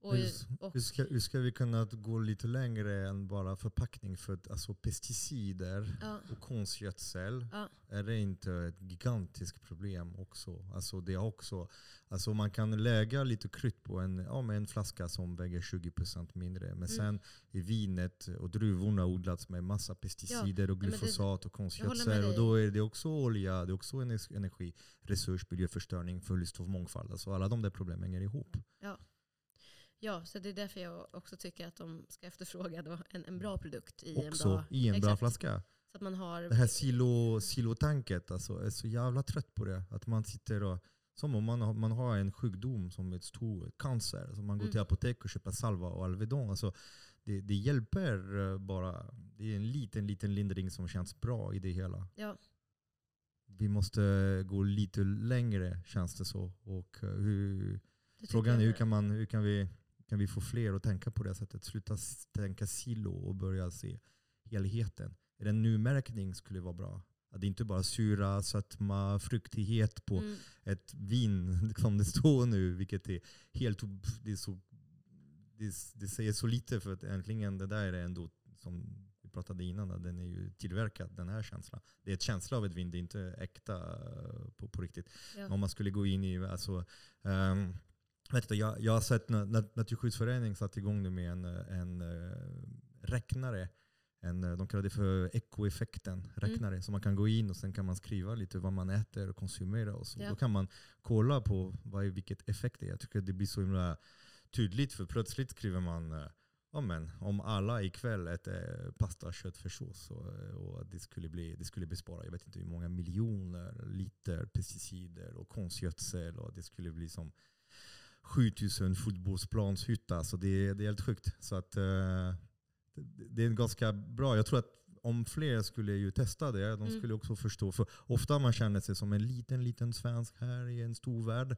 Och känner att det jag gör spelar inte så stor roll. Sen när man börjar klicka på okay, vad man har för vanor. Alltså om man köper ekologiskt bröd till exempel från ett lokalbageri. Plötsligt man ser hur många antal tusental liter eh, pesticider man sparar. Och det är så mycket mark som inte behöver få tryck med Mm. konstgödsel, pesticid, och djupplöjning och packat jord och så vidare. Eh, så att eh, du har inte testat? Är du, är du medlem på Jag är medlem, men jag har inte gjort den där. Nej. Eh, Ja, jag- men de kommer med det inte för länge det sedan. Det, låter det är ganska en nytt. supersmart grej. Jag ska göra Ja. det på vägen Jag, jag tycker det är, det är skitkul att Naturskyddsföreningen engagerar sig i matfrågor också. För då man, man börjar se att, eh, att det, det, det är ett viktig debatt. För maten hänger i alla, i alla delar av, Ja, jag av, säga det är väl den viktigaste, en av de viktigaste frågorna är ju Ja. vår matkons, alltså, vår matförsörjning och hur vi ska eh, se till att den blir ombesörjd på ett bra och rättvist sätt också är ju våra största frågor och som också kan lösa Mm. eh, våra miljöproblem skulle jag säga. Ja. Plus att alla, alla äter. Nu, alla dricker Ja. inte vin. Nej, Eh, precis. Men, Nej, men eh, ju- alla äter. Och, ja, eh, alla måste äta. kan man börja förstå att oh, men okej, jag kan bespara. Jag är duktig för att jag faktiskt gör så. Utan att Mm. man behöver gå på förpackning. Jag kan Ja. bara tänka oh, men jag bara köper ekologiskt. Och det är det som stör mig lite med vinbranschen. Att om man har den samma arbetsgång Mm. och går till Systembolaget och ska köpa ekologisk vin. Tänker jag vill vara en bättre konsument. Eh, då blir man ändå eh, lite lurad. Mm. Och jag vill inte att folk som säger att ah, då, då behöver man inte köpa ekologiskt vin. För det är fortfarande bättre. Mm. För då har man åtminstone odlat druvorna mm, utan pesticider och konstgödsel. Och man Ja. har haft ändå en, ett, ett krav, en ramverk som hindrar från att göra massa dåligt. Men det är inte hela vägen ett Nej. ren och bra produkt. Det är det jag vill säga. Och det är därför om fler kan leta och, och, och börja granska lite sin, sin inköp av, av Ja. eh, alkoholdryck och Ja. börja titta. Då kommer det kommer stöta jättemånga producenter. Ja, för att få Systembolaget att börja efterfråga den, alltså naturvin, Mm. välgjorda naturviner på lättviktsförpackningar i större skala, det, det, det kräver ju, precis som du sa innan så är det många som tänker vad kan jag göra? Jag kan inte göra någonting. Men vi kan alla göra något. Fråga efter sådana viner på Systembolaget. Mm. Så då, Men kommer de ibland på så speciell sortimenthylla? Så är det någon Ja. liten mikrosystem? Om, man, om jag har en Systembolaget någonstans i Borlänge, kan jag ta in lite schyssta vänner? Kan man, kan man ringa dig och säga du, jag skulle vilja ha en liten speciell hylla här i min Systembolaget? Mm. Fin, finns det en möjlighet eller? Nej. det, finns inte? Nej, det sitter Fan. inköp, det sitter för tyvärr, det hade varit jätteunderbart om, så här, om det fick vara lokalt. Ehm, det, är inköpare, det finns en inköpare för Frankrike till exempel. Så det är en person, en man, Okej. som bestämmer hela Frankrikes sortiment som vi svenskar ska dricka. Liksom. Mhm. Ehm, och ehm, det, dels gör det ju att det bara är vin som passar typ en... Alltså, Mm. De borde sätta med det på, borde den, vara, på ja, det jag jobbet. vet. Det Alltså borde vara en ja, panel. ska vi köpa vin från Frankrike? Ja, Okej, ja, men då, vill ni dricka bra från Frankrike? Då fråga mig. Jag kan, eh, jag kan fråga dig Ja. och sen kan de fråga mig. Och sen kan Där det har, bli... vi, där har vi lösningen på allt. Ja. Nej, men det hade varit fint att ha en liten panel tycker jag. För att jag Mm. menar, det finns ju människor, som sagt smak är så olika. Liksom, att, Mm. att, att det blev lite bredare ehm, än att en person ska bestämma hela Sver- Sveriges befolknings franska vinhylla. Men det har skett så här, så den bestämmer och sen så portioneras det ut i olika systembolag. Mm. Eh, sen kan det nog vara så att du som butikschef kan bestämma att vi vill gärna ta in den här, det här släppet som kommer. Som kallas för tillfällig exklusiv eh, lansering. Oh, okej. Och där kan de då välja om de vill plocka ut ifrån det. Mhm. Eh, men du kan också som konsument, om du till exempel du sa Borlänge, om du bor i Borlänge och går till ditt systembolag och säger, om de inte har på hyllan typ det vinet till exempel som jag lanserade i förrgår, som vi har gjort reklam för på, i våra ehm, kanaler, så kan du be om dem att ta hem det vinet. För finns det på hylla på ett annat systembolag så har de skyldighet att skicka det. För de vill inte diskriminera något ställe. Och då tar det ett par dagar så har du det på plats. Diskriminering är ett bra verktyg för att kunna få... Ja, exakt. För det, det de funkar ska bra i Sverige. Ja, det funkar jättebra. Nej, men och om man bara tittar tillbaka då från tidernas begynnelse, vilket var 2008. Nej, men när vi började, det efterfrågades inget naturligt vin alls. Nej. Vi släppte några naturviner från jättekända Beaujolais-producenter. Jean Fayard, Marcel Lapierre. Ja. Alla vinskribenter som var erkända by the time skrev ner det och skrev att dåliga skitviner har kommit in till Systembolaget och så vidare. De, de här, eh, faktiskt det var bara män, männen i fråga som, som gjorde det. De vägrade börja prova vinerna innan de fick utpekat vilka viner som var naturviner. Så att de visste vilka de skulle skriva ner. Det har aldrig hänt innan och Systembolaget berättar inte det egentligen. Men då gjorde de ett undantag för det var ingen som började skriva. Så de pekade ut dem. Så då visste de också vad de skulle skriva ner. Som sagt, det här låter ju som att det är hundra år sedan. Det här Mm, var mm. 2009. Eller, 2009. Ja. Ja. eller om det var 10. Någonstans däremellan. Eh, det kan till och med vara 2010. Så det, det, det är bara 13 år sedan. Mm. Och idag så finns det en efterfrågan på naturvin och det kommer ganska många tillfälliga exklusiva lanseringar som släpper ja, men 2400 av den här, det här vinet eller eh, 800 av den här flaskan. Så om man, om man håller koll på och följer sina, antingen om man får nyhetsbrev eller om man följer på sociala medier, sina, liksom de leverantörerna som man kanske också har lärt känna lite för att man har fått turen att dricka lite vin, fått reda på vem som tar in det och så märker man att ja, men jag diggar de vinerna som de har. Då kan man också se så här, men nu släpper de det här. Och nu släpps det här. Och då även om det inte är på ens egna systembolag så går man och frågar på sitt egna systembolag så skickar de. Ehm, så det har ju ökat jättemycket eh, på de här 13 åren. Så att nu, släpp, nu är det ju intressanta viner tycker jag i varje sånt släpp. Så, viner som jag vill dricka. Eh, och och det, så var det verkligen inte för sju år sedan bara. Så det har faktiskt, det, det förbättras. Mm, men det växer fort. Kan det vara på grund av att det också kommit en kultur av vinbar som inte Ja. fanns förut? Alltså jag Oh, ja. känner också eh, många, många som har börjat dricka naturviner och som kanske inte orkar ta kampen på sitt lokalsystembolag. De går på en vinbar och där, och där kan de ja, men ha tillgång till båda, båda kunskap och, och en bra produkt. Eh, men det jag ser som skiljs, det är kompetensen. Den, den är så annorlunda. Mm. Alltså den, en klassisk sommelier som har fått sin utbildning, alltså en klassisk sommelierutbildning, alltså de, de är inte in i den typ av spetskompetens som behövs för att prata naturviner. Och då ser jag en helt nytt sorts sommelier som inte ens vet vad är, är de där klassiska Chablis och Chateau bla bla från, från därifrån som är bara, bara kunniga inom naturviner. Mm. Tror du att det här är en trend som kommer ju sprida sig mer? Och är det rätt eller fel? Eller varför är den ka- klassiska utbildningen så långt efter? Varför utbildar man inte fr- framtida sommelier på alla viner? Det Vet är som att utbilda en bagare till att bara baka industribröd med halvfabrikatmjöl eller så.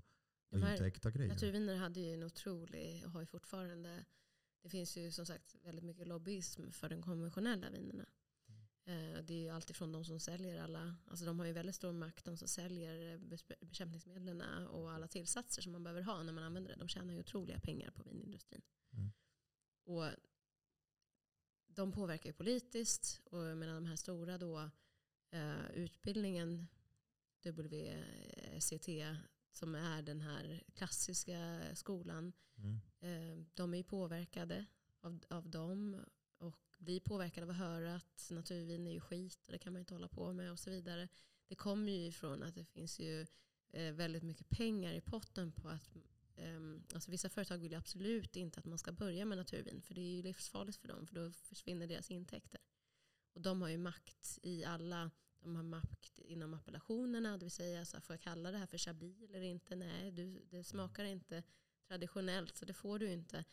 Liksom, de har makt liksom, politiskt, de har makt också över utbildningar, de har makt över skolor där man utbildar sig och blir enolog, alltså det vill säga vinmakare.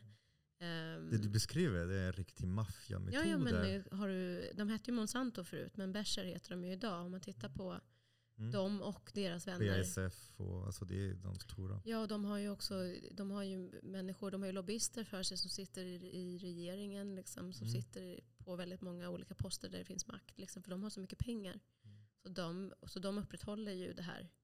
Ehm, jag är ju klassiskt skolad från början och det är jag jättetacksam för. För jag känner att jag kan både prata med Du kan män- geografi i alla fall. Vad sa du? Du kan geografi. Ja, precis. Nej, men Det känns men- mer som en geografikurs än Ja, men en, det, eh, det är mycket ja. så. Är det, absolut. Mm. Men jag tycker att det känns bra för att det är lätt för mig att prata med människor som kanske är rädda för naturvin och som Mhm. bara har druckit klassiskt eller hört, som kan saker från den klassiska världen om man säger. Mm. Ehm, och, eh, så att, att jag har det som bas känner jag är en styrka. Och sen så har jag ju lärt mig det andra utöver. Eh, och ibland kan viss geografi vara bra att kunna. men men ehm, jag skulle gärna se att man, att man blandar lite faktiskt. av eh, Alltså att, att bara köra så här, jag är sommelier och gillar fräcka etiketter Mm. kan jag tycka är lite väl ytligt också. Eh, men eh, jag tycker att eh, jo, men det här motståndet som finns hos de, ehm, jag menar, de som pluggade med mig eller pluggade innan eller efter som känner så här, fan nu har jag koll på det här. Jag har kämpat så jävla mycket med den här geografin nu. Jag har slitit. Det har varit tråkigt, det har varit jobbigt, men jag har tagit mig igenom det. Nu kan jag fan det här. Mm, mm. Och så får man testa någonting som bara, men det här smakar inte alls som Mm. allt det här Mm. som jag har lärt mig hur det ska Mm. smaka. Och då är inte jag bäst längre. Nej. Nu måste jag lära om. Mm. Fan. Och då är man inte världsmästare längre. Nej. Och då kan man inte hävda att man är det. För naturliga viner som är gjorda, dels har du ju du har en terroir. Alltså Ja. du, har ett ut, du har ett ursprung. Men du har också en hand, alltså en människa. Mm. Eller flera människor som ligger bakom det. Mm. Och deras input tycker jag är minst 50% av smaken. Och, och, och det kan ju vara väldigt egensinniga människor som gör. Alltså så här, så att, så att jag, tror att mycket av rädslan varför eh, traditionellt skolade sommelier, inte alla, men vissa av dem är väldigt rädda och, väldigt emot, är för att de inte längre kan briljera och de måste lära sig mer då. Mm. Och det är skrämmande och jobbigt. Det är jätteskönt att känna så här, "Ja, men jag kan allt. det Det. Ehm, jag, vet, jag har aldrig varit där, men det verkar som att, att det är en skön plats att vara på. Och jag känner ju mer jag lär mig om vin, ju mindre kan jag. Och det tycker jag istället, på andra sidan, är liksom om man vänder på det, är det som gör att jag kan fortsätta med det. För annars skulle jag vara uttråkad. Precis, alltså det är växlande, det rör sig hela tiden. Det är precis, Exakt. alltså det är väldigt, som du sa innan, bröd, bröd och vin är ju väldigt, väldigt kopplat. Ja, Eh, för det finns en sån, det är så många gemensamma delar. Dels gemenskap, arvet, marken, alltså klimaten. Men det, också, det finns också så värderingar och kunskap och utrustningen som kan påverka så mycket. Jag, jag lärde mig en ganska häftig grej för några veckor sedan. För jag, jag pluggar lite på sidan, eh, naturvetenskap och sådär. Och, Mm. eh, att, eh, och jag, jag har aldrig varit så himla förtjust i getingar. nej. Kanske för att det också är den endaste djur jag är allergisk mot. Eh, så att jag, jag svuller upp som, Ja, en, som, som en ballong. Men eh, jag fick lära mig att getingar var extremt viktiga i naturvinet. Eh, för att de är ansvariga för att faktiskt få alla eh, indigena gäster att överleva vinter. Utan geting skulle inte de, för de kommer ju gå och äta på druvorna Mm. och ta dem där to go när druvorna börjar bli lite söta. Ja. Och de deponerar De de, där. Mm. och de, de älskar alkohol. Och då kommer de ha den på sig och sen när vinter kommer, de går och gräver sig ner och bevarar de där gässellerna som överlever på deras kroppar. Som kan sen gå vidare och fortsätter. Så att eh, jag har fortfarande, jag har inte hittat någonting om mygg och getingar, eh, om mygg och fästingar.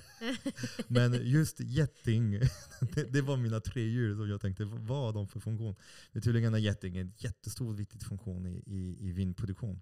Ja, det är fantastiskt. Det visste jag faktiskt inte. Jag vet Mm. att, de, att de förstör för bina, så att jag gillar inte getingar Men heller. där är andra, det är getingar, det är de där uh, importer, alltså Ja. invasiva sorter. Ja. Men det finns ju också väldigt många. Så de, getingarna är väldigt viktiga om vi vill ha en stor vinland. Vi kanske Mm. borde eh, sluta, sluta förgifta dem och, och, och se dem som ett skadedjur och börja Mm. se dem som en, en tillgång för oss.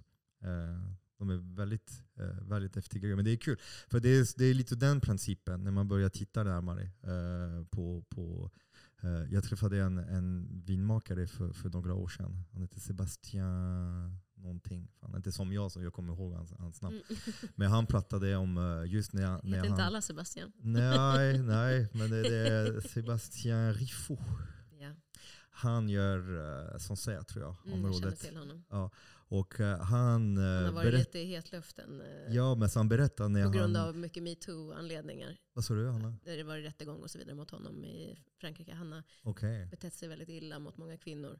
Oj, okej, det visste jag inte. Nej, Det visste jag inte. men eh, han gör väldigt häftiga viner. Okej, ja, ja, det finns skitstövel överallt Ja, som ja, gör bra det saker. finns. Alltså, Det fy finns. fan. Okej. Ja. Men han lärde mig i alla fall en grej. Eh, för han berättade när han, när han klipper och skördar druvor. Att de tar druvorna mot näsan och sen tar en doft på den. Mm, Och försöker just fånga de där, han kallade det för ädelrötta. mm. Det här Precis. är la pourriture noble. Ja, botrytis Ja. som man kallar det för. Och jag var så, jag var så här, vad? Pourriture noble, vad är det för? Så pourriture det är verkligen Ja. så här röta, hur kan röta vara ädel? Ja. Men uh, berättade han att, ja uh, vad bra att han var också en uh, ädelrötta, så inte en ädelrötta då. Fan. Han är en riktig gråröta faktiskt. Okej, ja, ja, men, Men, bra. eh, Nu vet vi då i alla fall. Men, eh, Nej men det är, en posi- det är väl den enda rötan som man vill ha inom Mm. vinmakning är ju ädelrötan. hur påverkar den? För jag, jag var inte så superförtjust i de vinerna, för jag tycker Nej. att de har lite, de, man går bort från frukten, man går Ja. bort från, att det blir mer så här, lite, så här, ja, men, lite uh, smutsiga dofter och smaker som jag inte så uppskattar jätte- jättemycket. Eh, precis, om du kollar på distrikt som är väldigt känt för ädelröta är Tokai i Ungern, som, där man gör Mhm. söta viner. Mm. För det är superbra sätt att koncentrera druvor. Är att göra det, alltså helt naturligt, via att man är angripen av ädelröta. Så att ädelrötan kommer i vissa, liksom, vissa mm, områden där du har ett specifikt klimat. Mm. Eh, som då i Tokai till exempel så är det en flod som gör att du får mycket dimma på hösten. Som gör att, och där finns det då ädelröta som angriper druvorna, gör hål på skalet, gör att vattnet sipprar ur och du koncentrerar sockret. Mm. Så man får mer socker, okej. Och, där, och ofta är de dessertvinerna otroligt rena i smaken tycker jag och väldigt så liksom hög syra Mm. men liksom mycket socker helt naturligt. Sen när det kommer till liksom torra viner med botrytis så kan du hitta det i södra Bourgogne, Viriclissé till exempel, Macon. Eh, Du kan också hitta det som Sebastian Riffaut är känd för att han, gör, han låter druvorna hänga kvar så de har en väldigt hög mognad. Och så kommer det ju till slut olika typer av röta, men bland annat ädelröta. Ehm, och gör att det blir en koncentration, det blir en högre sockerkoncentration. Men så jäser han ut det, så det blir torra viner men då lite högre alkohol. Det är inte heller min personliga smak, för jag tycker om låg alkohol och väldigt mycket friskhet Mm. och energi. Så att, ehm, ehm, jag, det gör ingenting för mig att cancella hans vin, så att säga. Eh, Nej. Men, jag, ska, jag, ska, jag har några flaskor kvar, jag får göra någon uh, mull, mull. nej, men, Jag får men, göra en musselrätt. Men det är, det är väldigt, eh, som sagt, smak, eh, smaken är ju delad och eh, vissa gillar det, andra gillar det inte. Jag Mm. gillar det mer som sötvin generellt Mm, mm, än, än sånt som han gör. Men eh, det är roligt med vin för att det, det finns ju så otroligt mycket stilar och otroligt mycket olika ursprung och där man har olika eh, möjligheter till att göra olika typ, att det kommer olika typer av smak. Liksom. Ännu mer en, en anledning att bli förbannad att branschen har blivit så. Att den där biten är borta. Att allt som gör vin specifikt, speciellt det är inte plats och kunskap och människor på plats. Mm. Det, är sampl- det är bara en odlingssystem som är rationellt och sen en industrilogistik bakom som kan standardisera produkterna och göra en standardprodukt som ser bra ut och som smakar helt okej. Okay. Ja. Till ett rimligt pris. Och ja. uh, till slutändan då sitter folk och, och missar det här. Alltså levande vin med energi. Med, som stöttar också ett väldigt bra jordbruk. Hur, uh, hur lätt är det att driva en vingård när man är en kvinna? Alltså all, allt är svårare när man är en kvinna, det, det vet vi. Uh, och vi pratade lite om Systembolaget innan. Och alltså de, de nyckelpersonerna ofta i, i de där industrierna är ofta män. Mm. Uh, är det för, alltså det, man förstår att det är väldigt svårt att komma upp på sådana maktpositioner som kvinna. Hur är det med, vin, eh, med vingårdar? För jag vet, det här är en diskussion vi hade för några år sedan när vi började prata. För jag började så här, ja, men tänka så här, ja, men när jag köper vin, varför ska jag inte köpa lite så kvinnliga producenter? Mm. Som det ändå känns viktigt. Uh, och plus att jag började upptäcka några kvinnliga producenter. Mm. Uh, jag drack en vin eh, med, eh, ja, med smurfar på där. Eh, Octavin. Mm. Alice Bouvot tror jag. Mm. Alice Bouvot som, och jag bara så jag får så wow. Och det, jag kände så en, en kvinnlig energi i den. Ja. wow, det kändes... Uh, och då började jag säga, fan det, det är ändå nice att och byta lite. Men då insåg jag att det är väldigt, väldigt lite, lite kvinnliga vinproducenter. Ja. Och att det är en liten kamp om man vill, om man vill dricka vin från kvinnliga producenter. Och jag tänkte att många, många kvinnor dricker vin och jag tror inte att många kvinnor tänker på att ja, men leta efter kvinnliga vinproducenter. Hur, ska vi få fler kvinnor att kunna få, få, få jobba med vin? För det är inte ett brist på, på talang, nej. antar jag. Nej, nej. Det, jag tänker att det, det, det är som alla andra branscher egentligen. Att, att um, det är mycket män som står på etiketterna. Det är mycket män som frontar som är chef eller som liksom har högsta positionen. Eh, det finns väldigt många kvinnor som gör jobbet men som inte syns. Mm. Så att det är ofta, om man tittar traditionellt på eh, liksom Frankrike, Italien, Spanien, om vi tar de länderna, så är det ofta ett par som driver vingården. Det är mannens namn på etiketten men kvinnan gör ju minst liksom, liksom hälften av jobbet om man säger. Mm. Plus att hon tar hand om hemmet och barnen också. Um, men, men att det är ju så det ser ut tyvärr. Vi är ju inte jämställda än. Så att, um, och, och, innan vi, vi, på, vi, det förändras, det blir bättre. Liksom. Um, men som, som kvinna då, för att du är lite av ett ufo i en väldigt mansdominerad värld om man tittar på som vinmakare. Um, så blir du, du måste ju bevisa mer än dem. Mm. Du måste vara dubbelt så bra. Dubbelt så bra. För att bli godkänd. Liksom. Så Såklart. Och, men det tycker jag man ser. Det är inte bara inom den branschen utan det är ju faktiskt mm. alla branscher jag kan tänka på. Liksom så. Men där, där man inte har då en övervikt av kvinnor som redan gör för att det anses som en kvinnobransch. Liksom. Mm. Men ba bagare, det är väldigt många kvinnor som är bagare. Är det? det är mycket mer ja, jämställt i, i, min bransch. Ja. Uh, så att uh, det är ju något. Men kan du inte se naturvin som också ett bra sätt att kunna få lyfta ju mer kvinnor och ge öppna möjligheter till att fler kvinnor ska kunna få göra vin. För att eh, det verkar ändå lite mindre tung och krångligt och krävande att starta en liten, en liten vingård och börja göra naturvin som är specifik. Uh, än att, uh, eftersom om man tar bort sulfiter, man tar bort alla tillsatser, man mm. gör allting på gården, man mm. jobbar i kretslopp, man köper inte mm. pesticid, konstgödsel, bekämpningsmedel och allting. Uh, det blir ett livsstil och som, är, som är härlig och, så, och sen kan man ganska snabbt få ut vin på marknaden. Man behöver inte ha så jättestora lager och jobba i tio år för att vinerna ska lagras och så. Mm. Är det inte så att naturviner också mognar snabbare? Det är en snabbare marknad som gör att man kanske kan köpa ja, men så lite sådär uh, uh, billig mark som är känt. Det är Frankrikes stora bulkvinområdet. Eh, och kanske komma igång. Är det inte ett bra sätt att om, om just att fler dricker naturvin, efterfrågar kvinnliga naturviner, att det blir kanske ja, men den här tjejen som står i skuggan här, hon, bara, hon kan bara skilja sig och starta sitt egen gård. Och sen mm. bara, ja, det är möjligt. Att det blir inte ett jätteprojekt som kräver så gigantiska summor pengar. Nej, alltså jag tänker det är ju väldigt mycket, även faktiskt konventionellt vin som du kan släppa tidigt. För, alltså tidig konsumtion och så vidare. Så du, du, Mhm. kan, du kan ju gå in i den, på den sidan också. Men jag tror det är vanligare att se, det är mer och mer kvinnor som har dragit sig till naturvinsbranschen, skulle jag säga, procentuellt. Mhm. Eh, och det är väl för att det faktiskt är en bransch som bygger på kärlek. Alltså det är en väldigt snäll bransch generellt. Ja. Ehm, det är eh, människor som vill göra något gott. Mm. De vill göra något bra, de vill göra något fint. Ehm, Och vi det vet, forskning tilltala. säger att kvinnor är ofta lite i framkant i den grenen. ja, det handlar inte om att man vill ha mycket pengar. Det är, man Mm. drivs inte av girighet där. Mm. Ehm, så att man ser procentuellt fler kvinnor som gör vin inom naturvinsgenren. Liksom. Ehm, om de kommer in rätt och så blir uppfångade av rätt importörer och liksom, ehm, för att de har rätt kontakter och så, så kan det gå väldigt fort för dem att lyckas. Men om de inte gör det för att de inte marknadsför sig på rätt sätt eller för att de kanske är lite blyga eller håller sig, alltså, oavsett om man är kvinna eller man så kan det dröja, ta lång tid innan de lyckas. Så det kan vara väldigt kämpigt i början och tufft och väldigt mycket hårt jobb och att man kanske inte får sälja så mycket. Idag så finns det ju en fördel jämfört med för tio år sedan. För idag så har vi en så otrolig efterfrågan på naturvin. Så det är mycket lättare att börja idag. För att du kommer få dina grejer sålt. Liksom. För att Mm. hela världsmarknaden efterfrågar naturvin på ett helt annat sätt än, än hur det var för tio år sedan. Då liksom så fick ju de verkligen kämpa för att sälja. Så det, beh- det behöver man inte tänka på på samma sätt idag ändå. Men, eh, men jag ser en ökning av kvinnor som gör vin och jobbar in, i branschen varje år. Så att det känns ändå positivt. Liksom. Men, Mm. men, men ja, det är tuffare. De måste jobba hårdare. De måste bevisa sig lite mer bland killarna. Liksom.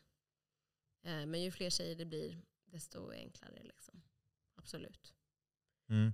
Eh, Och, och också just om vi tittar på i Sverige till exempel, om du är kvinna och ehm, vill göra vin så tänker jag att det är inte samma sak som om du är i Frankrike och vill göra vin. För i Frankrike så är det ju ännu mer ojämställt. Liksom. Mm, Kvinnan ska mm, vara hemma och ta hand om barnen, hon tar allt ansvar hemma. Det är svårt för henne att hinna jobba också. Alltså det blir väldigt tufft. Liksom.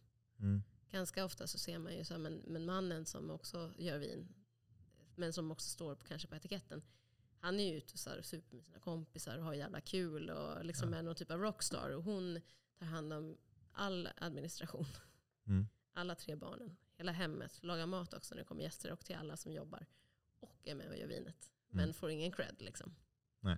Och det är ju lite så här, Det är för jävligt. ja. Men det måste, det måste förändras. Ja, det, det det, tycker jag ska förändras. förändras. i vår livstid. Alltså det måste vi, ja. men vi kan inte adressera heller all, alltså jag tycker det är det som jag gillar med naturvin, det är att man kan adressera så många, så många problem på en och samma gång.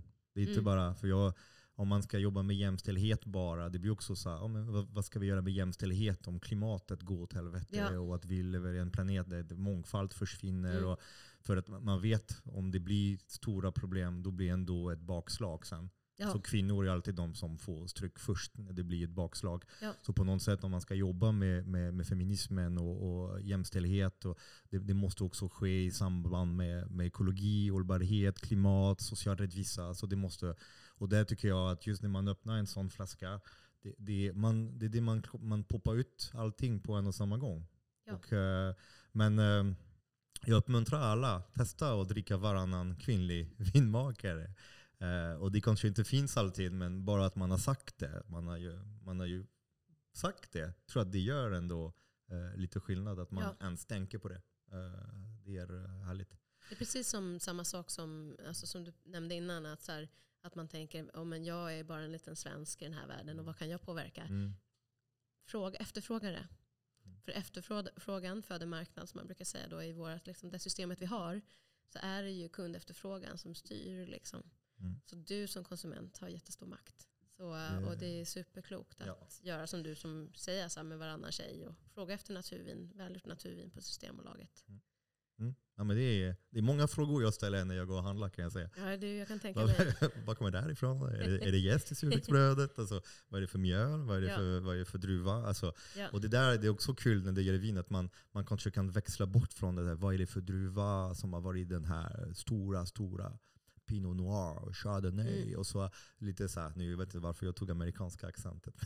Det Chardonnay. för att du så bra på den. Pinot Noir. Alltså, ja, men att nu man går, det är lite mindre viktigt med vilken druva det är. Det är lite mer viktigt med just alltså, metod, platsen, det är just indigen gästning och så här tycker jag. Eh, jag har tänkt mindre på druvor, även om jag har mina favoritdruvor som har de där som vi pratade om, de där florala, så här muska, muska d'Alexandrie, eller så här, Mm. muska druvor och, och så här, eh, pulsar, druva, pulsar, pulsar. Jag vet inte vad Ellen ska vara. Det här. Det är dialektalt. Så i norra Jura så säger de plussar. Och i södra Jura så säger de pulsar.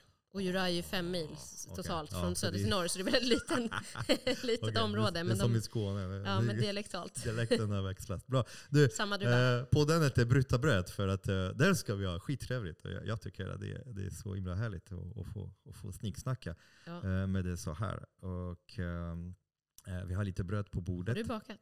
Nej, jag har inte bakat. Det har också varit så här, eh, ska jag baka bröd till alla avsnitt och så? Tänkte jag, nej, men jag, jag går på lite olika bagerier Ja. och sen köper bröd och så kan man ju få, få känna Vad lite kul. efter eh, olika bröd. Du vet, jag, Är det så att du eh, har ett gör, gör, favoritbageri? du, gör du vinet eller? Nej, nej. Nej, precis. Nej, nej, nej. Det Att, eh, det, det här är någonting som eh, eh, jag, jag blir lite trött på mina egna bröd ibland. ja. Eh, och kanske tappa inspiration av att göra och jag får inspiration av att få äta andras bröd och se att det finns massa unga fina andra bagare som dels har gått från konventionellt system till ett bättre system och börjat jobba med kulturspannmål och surdeg och på riktigt verkligen. Och, och, och sen, eh, nej men det är samma, jag, jag känner en energi och spannmål. Nu det är skördetider som har gått nu lite bakom som, är, som har gått och man känner det här terroir, den här nordiska terroiren. Eh, så att eh, där har vi ett bröd på, på, på det är dalavete som är super, eh, supergott. Eh, dalavete som är, tror jag, en eh, räddning. Det har varit jättefina skördar i år av dalavete. För att eh, några delar av spannmålssverige har faktiskt gått jättebra i år. Eh, och det har varit lite värre i södra Sverige för det har varit så mycket regn nu Ja. sent. Det har varit mycket Ja. torka tidigt. Och, så jag gillar den här balansen när man kan se att eh, den nordiska jordbruket kan också, att det är inte bara att Skåne är alltid bäst på allting och så, att det kan gå åt helvete för Skåne. Som är vårt, eh, vårt matreservoar för Sverige. Men det är också där man använder mest pesticider och konstgödsel och, och Mm. kemikalier. Alltså det är jättesvårt att odla ekologiskt i Skåne för det är en sån. Alla ska odla konventionellt för det, det ska vara vanliga grejer är bra nog. Eh, vilket tycker jag är så jävla trött på det. Vanligt ja. Eh, Mm. Ja, och eh, så att eh, jag känns att det känns ändå som att det, det är jävligt kul att nu kan alltså Dalarna, Hälsingland, alltså Sörmland och så, alltså upp, Uppland bara komma fram där. Att vi har jävligt bra skördar i år. Och, och Skåne det har gått lite sämre. Eh, och se att också att kulturspannmål har ju klarat sig mycket, mycket bättre än många konventionella sorter. Mm. För de har ett djupare rotsystem, de dränerar jorden bättre, de re- regulerar vatten bättre, de har borstar och så. Så, att, eh, eh, så nu du har bröd, smör och jag har, du vet, jag önskar mig en sak av mina föräldrar varje år när jag fyller år. Mm. Eh, och jag, jag har precis fyllt år nu. Så att eh, det här, tack så mycket. Här är min mammas uh, björnbärssylt. Så min pappa plockar björnbär, min mamma gör sylten. Ah. Och eh, om jag vill ha någonting när jag fyller år, det, är- det är det här, den burken. Så du kan ta mycket, det, du behöver inte bespara. Och du kommer få känna det här härliga uh, Frankrike terroir på, på björnbär. Wow, vi har Mm. ju väldigt mycket björnbär. Jag bor ju då i, i det här Skåne. Mm. Ehm, Ja, för- Stor, Förlåt storjordbruksskåne. om jag snackade Nej, skit nej, om nej, men Skåne. jag- jag Jag, med snackade inte skit i Sto- om Skåne, jag, bara, Nej, det jag menade, inte. det var bara det var mer en Nej, fakta. Det är men- väldigt sant. Det är ju väldigt mycket storjordbruk där. Liksom. Man, har ju, Mm. man har ju hållit på med det länge. Mm. De har ju också premierats om du jämför med Norrbotten till exempel och deras eh, jordbruk så har de inte premierats. Ehm, men ehm, men det, vi odlar väldigt mycket björnbär, eller det växer björnbär överallt. Så jag bara tänkte om de franska, är de, är de annorlunda? Eh, de liknar, alltså just den sorten, för det är en vild sort som de plockar ju eh, på en speciell plats. Vi är i Charente-Maritime då. Det är ingen stor vin, alltså de har vin där, de gör en, de gör en, eh, Pinot de Charente. Mm. Som är ett litet sött vin. Mm. Har, du- har du koll på den? Mm. Mm. Jag har aldrig förstått hur man gör den, för det, det är ganska hög alkohol. Det är som, Går- det är som Mac Van. Det är en vändig likör. Så det är Aha. två tredjedelar druvjuice som är Mm. ojäst. En Okej. tredjedel av den lokala spriten. Mhm, så de tillsätter sprit Mm. I Innan jäsning. Mhm, Ojäst. okej. Det där är väldigt känt. Pinot de Charon, det är aperitif. Man dricker den, Ja. puff puff så. Det är Södra- jättegott. Det är La Rochelle, Rochefort, Just det. eh, lite norr om Bordeaux. Och, eh, och då, det påminner lite mer om, eh, om Salmberg Mm. på Gotland. Den lila vilda björnbär. Den har lite den, den tonen, men lite mer sötma. Inte, så, inte, lika, inte lika surt. Jättegott. Eh, och sen lite ost. Då är det en Vem har gjort osten då? Vrångebäck. Ah, Al- Almnäsbruk. Ja. Från Jo. På tal om terroir. Sveriges endaste eh, ursprungsbetecknad ost. Alltså ursprungsbetecknad ost. Det finns bara en. De har lyckats få till det. Så att, eh, ja. det är ursprungsbeteckning. Den måste göras där på det, det sättet. Det är ingen som kan ändra på det. De är otroligt Eh, duktiga. Mm, ja, det är, Det är det är mina favoritostar. Men ja. du, apropå spannmål så idag släppte du en bok. Mm. Som jag är väldigt nyfiken på. Jag Ja. pratade om spannmål med en vän på vägen hit. Men jag Okej. föll lite sen för att hon var uppe i Jämtland. Nej, i, eh, hon var uppe i Norrbotten. Alltså, eh, och träffade lite lantbrukare där uppe. Det finns ju väldigt få kvar. Liksom i Torne, man tittar Tornedalen Tornedalen ja. till mm. exempel så där det är otroligt så här eh, bördig jord. De har fantastiska förutsättningar på grund av att de har midnattssolen så att de kommer ju ikapp oss. Liksom. Oh, ja. EU håller på att förbjuda liksom, sådana grödor som funkar. För de funkar så dåligt i Spanien. Så att därför så sånt som funkar norr om, Mhm. norr om Gävle om man säger. De liksom håller de på och då måste man betala avgifter för att få eh, odla dem och så vidare. Okej. Eh, det här är ju bakvänt som allt annat. Liksom. Men Mm. då pratade vi just om, om hur vikten av att just använda sig av kulturspannmål och den spannmål som kan tåla. Mm. Och det här vill ju då, det är återigen lobbyism såklart för andra grödor och sådana som säljer andra Ja. grödor.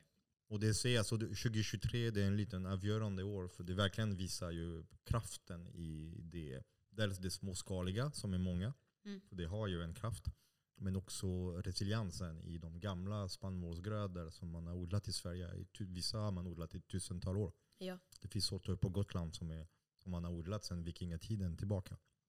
Och eh, man ser att de, eh, de har så mycket bättre sammansättning, de har djupa rötter, de är väldigt höga och kräver ingen pesticider. Så, så det, det är bra, det är kul. Ja, men den här boken, det är lite min, eh, känns lite som mitt livsverk. Ja. Lite grann. Efter så många år ändå, jag känner att jag, jag har eh, försökt leverera ja, men någonting som kan hjälpa folk där ute och bli inspirerad att baka min kulturspannmål. Vad man kan göra med dem också. För de, alla recept, om man ska googla nu ett recept på pannkaka, då kommer den jävla alltså, köket.se, Leila bakar. Ja. Det blir sådana vitt mjöl, vitt socker, vitt salt, snabbt, snabbt, chop, chop, chop. Alltså ingen själv. Eh, Det finns också energi i pannkakor. Det finns Ja. också energi i bröd. Absolut. Och att, eh, att saker ska ta tid och att man, eh, det, det är också ett väldigt fin kärleksförklaring eh, till sin familj. Att ta sig tid att göra saker eh, och, laga från grunden. Och plus att nu vi har pratat mycket i tidigare avsnitt om, om näring och, Mm. och folksjukdomar och problem med övervikt och brist på, på, på, på fiber och, och näring som finns i, i de flesta livsmedel. Ja.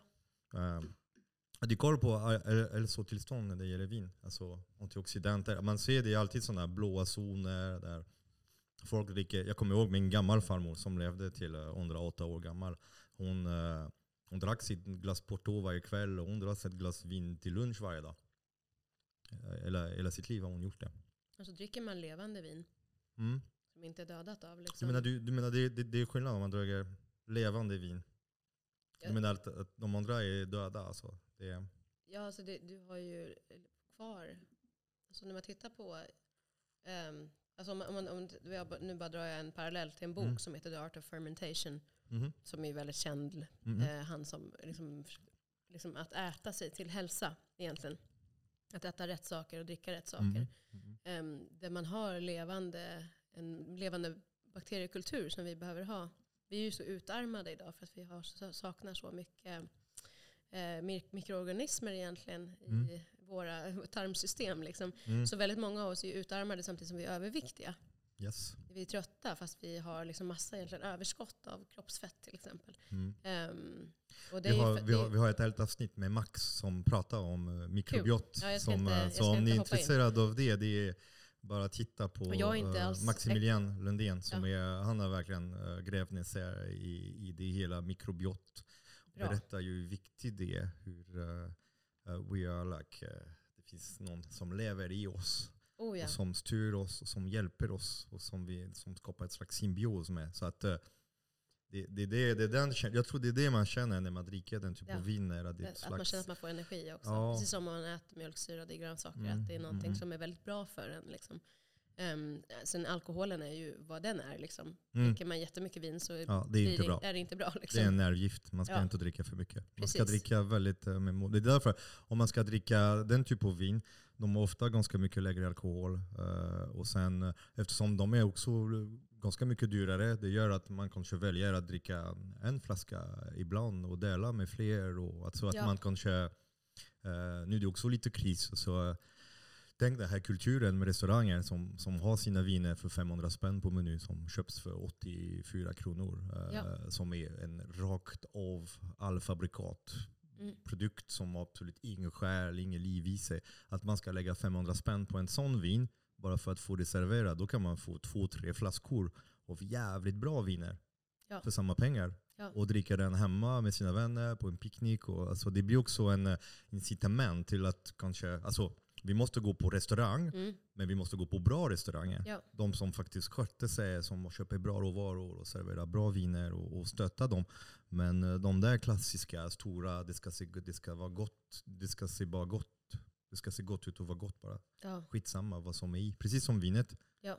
Spelar ingen roll vad som är i. Det är bara slutsmaken som är viktigt. Eh, Det måste vi växla. Mm. Jag, eh, nej men så, så precis, att, precis som med mat och så vidare så är ju ett vin som är ehm, som inte är söndersteriliserat och förstört av tillsatser innehåller ju massa nyttoämnen. Mm. Eh, så två glas vin om dagen, inte mer, då tror jag att du lever är toppen. Liksom. Två, okay, två glas vin om det. Ja, Ja, men som Det är- din, det är precis lite- som du sa, ja. att din, din, var det din farmor eller mormor som ja liksom, hon drack ett glas vin. Ja, men för, för många är det här definition, de- definition av alkoholism. ja, ja, men Så man ska Men vara då får du inte det. dricka mer någon nej, annan nej. gång. Nej, men precis. det är väl det som är så det problem. lite så. Ja. Jag dricker inte två glas vin om dagen för jag dricker ibland två flaskor på en kväll. Ja. Och då, man kan inte göra både och. Nej. nej. Nej, just det. Det är det. Man, ska, ju- Man får ju hålla sig man, får, då. man får hitta det, det, det som är bäst för det oss. som är lagom. Precis. Eh, det är någonting som jag blir ofta anklagad i. Jag blir anklagad för snobberi. ja. Hur eh, ser du på det? Nu vi dricker jättefin naturvin från en fantastisk vinproducent. mm, Alltså, eh, som tyvärr, tyvärr har gått bort. mm, Eh, eh, och det är därför det blir extra känsligt också. Alltså när man Verkligen. öppnar den vinet. Det här är ett vin som, ja, verkligen, av alla vin som har själv, den har väldigt mycket själv. Eh, hur, hur ser du på, på det? För att, är det snobberi att vilja dricka ren, äkta, passionerad, levande dryck? Och är det vanligt? Alltså, är det, va, va, varför är det så? Nu jag ställer det är Ja. inte en retorisk fråga. Nej, nej, men, nej, men det, ju, det finns ju anledningar. Och som man tittar på oss, jag menar både du och jag, vi, vi har ju liksom white privilege. Vi är ju vita Mm. privilegierade människor. Mm. Vi, kan, vi har möjlighet att vara snobbiga. För att vi har den positionen vi har på grund av mycket oförrätter som vi människor har gjort mot varandra. Ehm, så att, eh, och på grund av att det är så, så så kan vi vara nördiga med vad vi dricker, vad vi äter. Eh, och eh, vissa andra människor kan inte vara det Nej. på grund av anledningar. Liksom för att de kanske måste överleva bara och inte hinner tänka på det. Ehm, och jag tycker att när man har möjlighet, när man har kunskap eh, och kontakter och eh, ekonomi för det, så är det, är det väldigt bra att man kan sprida den typen av kunskap.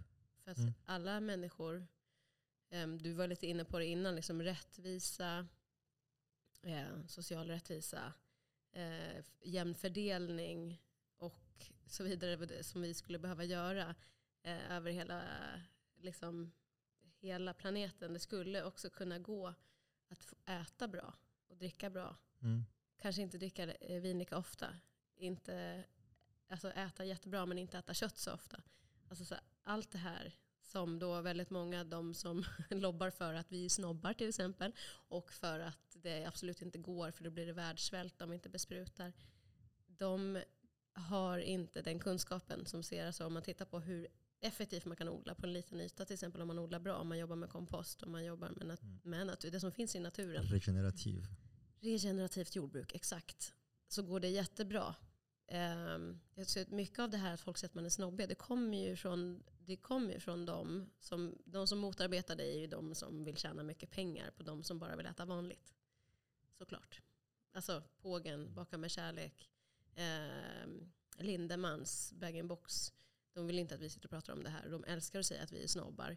För att visa för människor, kolla vad de håller på med. De bara sitter där och är snobbig. Var vanliga bara. Ät vanligt, drick vanligt. För det tjänar de väldigt mycket pengar på. Mm. Ehm, och eh, jag menar eftersom så här, om man inte skulle bry sig om att flera människor skulle få ta del.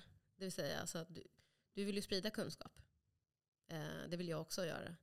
Om man inte bryr sig om det och bara bryr sig om för en liten inverters, liksom en liten, liten klick, då kan jag tycka att det blir snobbism liksom, på ett dåligt sätt. Men när man vill sprida det vidare och göra världen till en bättre plats för de som bor där, på vilket sätt man nu gör det. Du pratar ju inte om klädindustrin, det gör ju andra till exempel. Mm. Vi pratar om mat och liksom varje dag bröd. Eh, det är ju för att någonstans eh, påverka och för att också belysa de företag och de krafter som faktiskt gör världen till en sämre plats. Så tycker jag. Mm. Och jag tycker att det är bra att man säger eh, till. Mm. Jag gillar Olga som öppnade på dens begrepp. Hon, hon, hon kallar sig för kvalitarian. Ja, Att man är, det är också ett värderingsbaserat kost på något sätt. Och eh, att genom att välja ja kvalitetsprodukter. det är hon som är med reformaten, eller hur reformaten, Olga? Ja, Ja. precis. Så att, eh, eh, när, när vi spelar in nu, du, du har inte hört den, för den har inte släppt än, det är därför. Men eh, det, det, kommer, ja, snart vet du. Nu det är bara, Ah, jo, hon har väldigt mycket, hon har väldigt jag mycket att lyssnade prata om. på Greenpeace. Ja. ehm, ehm, Mm, vi gjorde en podd med, med, Greenpeace. Ja, men det, är, Precis. det är alltid, det är alltid Och där pratar hon också om att hon är kvalitarian. Ja. Så jag har faktiskt Ja. kvalitarian, ja, det är ett väldigt uh, fint begrepp. Men eh, tack för att du, för att du har delat med dig om, eh, om den här stunden. Du, eh, Superhärligt att få Tack. sitta se, med, med dig och prata, prata vin. Och uh, hoppas att det är fler där ute som faktiskt uh, ja, men har lärt sig någonting. Om det inte är det här med getingar och kanske som kommer gå in på Systembolaget och vara lite mer kritiska och börja titta på etiketterna. Eller kanske inte titta på etiketterna för de är bara en bluff. Alltså det är ett produkt, det är ett marknadsprodukt. Och börja eftertrakta efter bättre viner. Det finns en rad uh, vinimportörer. Alltså jag, sjukt många. Nu är dryckesbutiken är din, men Mm. eh, alltså, det finns, du, du nämnde Wine Trade och Jordmånen. Och, alltså det finns Bomb Wine. Alltså det finns ju många viner. Så att om ni är intresserade, så gå ut och eh, Instagram är ett väldigt bra Mm. medie för, för er att kommunicera. Och det brukar släppas en massa lådor och Alltså sådana små lådor som man kan testa. Och eh, lite som jag brukar rekommendera folk som vill, var hittar jag bra mjöl? Jag säger gå på bra bagerier. Om man vill hitta bra vin, gå på bra vinbarer och bra restauranger. För där finns det. Där finns kunskap och det finns också passionen Ja. att dela med sig. Det är, det, det är ett så vackert yrke vi, vi har. eh, och eh, som får stryk just nu eh, på grund av att det är tufft för alla. Så är, om vi vill ha dem kvar, man vill ha dem som är bra. Ja. Och och ja, Ja, stötta din favoritkrog. Stötta. kvalitarian, vi fortsätter med det. Drick gott vin, inte för mycket. Eh, och, eh, Drick ja, inte två flaskor. nej, inte två flaskor. nej, men eh, ja, alltså, vi är, här får man, alltså, jag gör det och jag gör det också ibland. Två flaskor. Men det är, det är många timmar och så det är mat emellan och sådär. Och som sagt, det är så jäkla bra energi. Ja, det är sant. Tack. Ja, du, Och skål. skål. Tack. Vilken bra kling.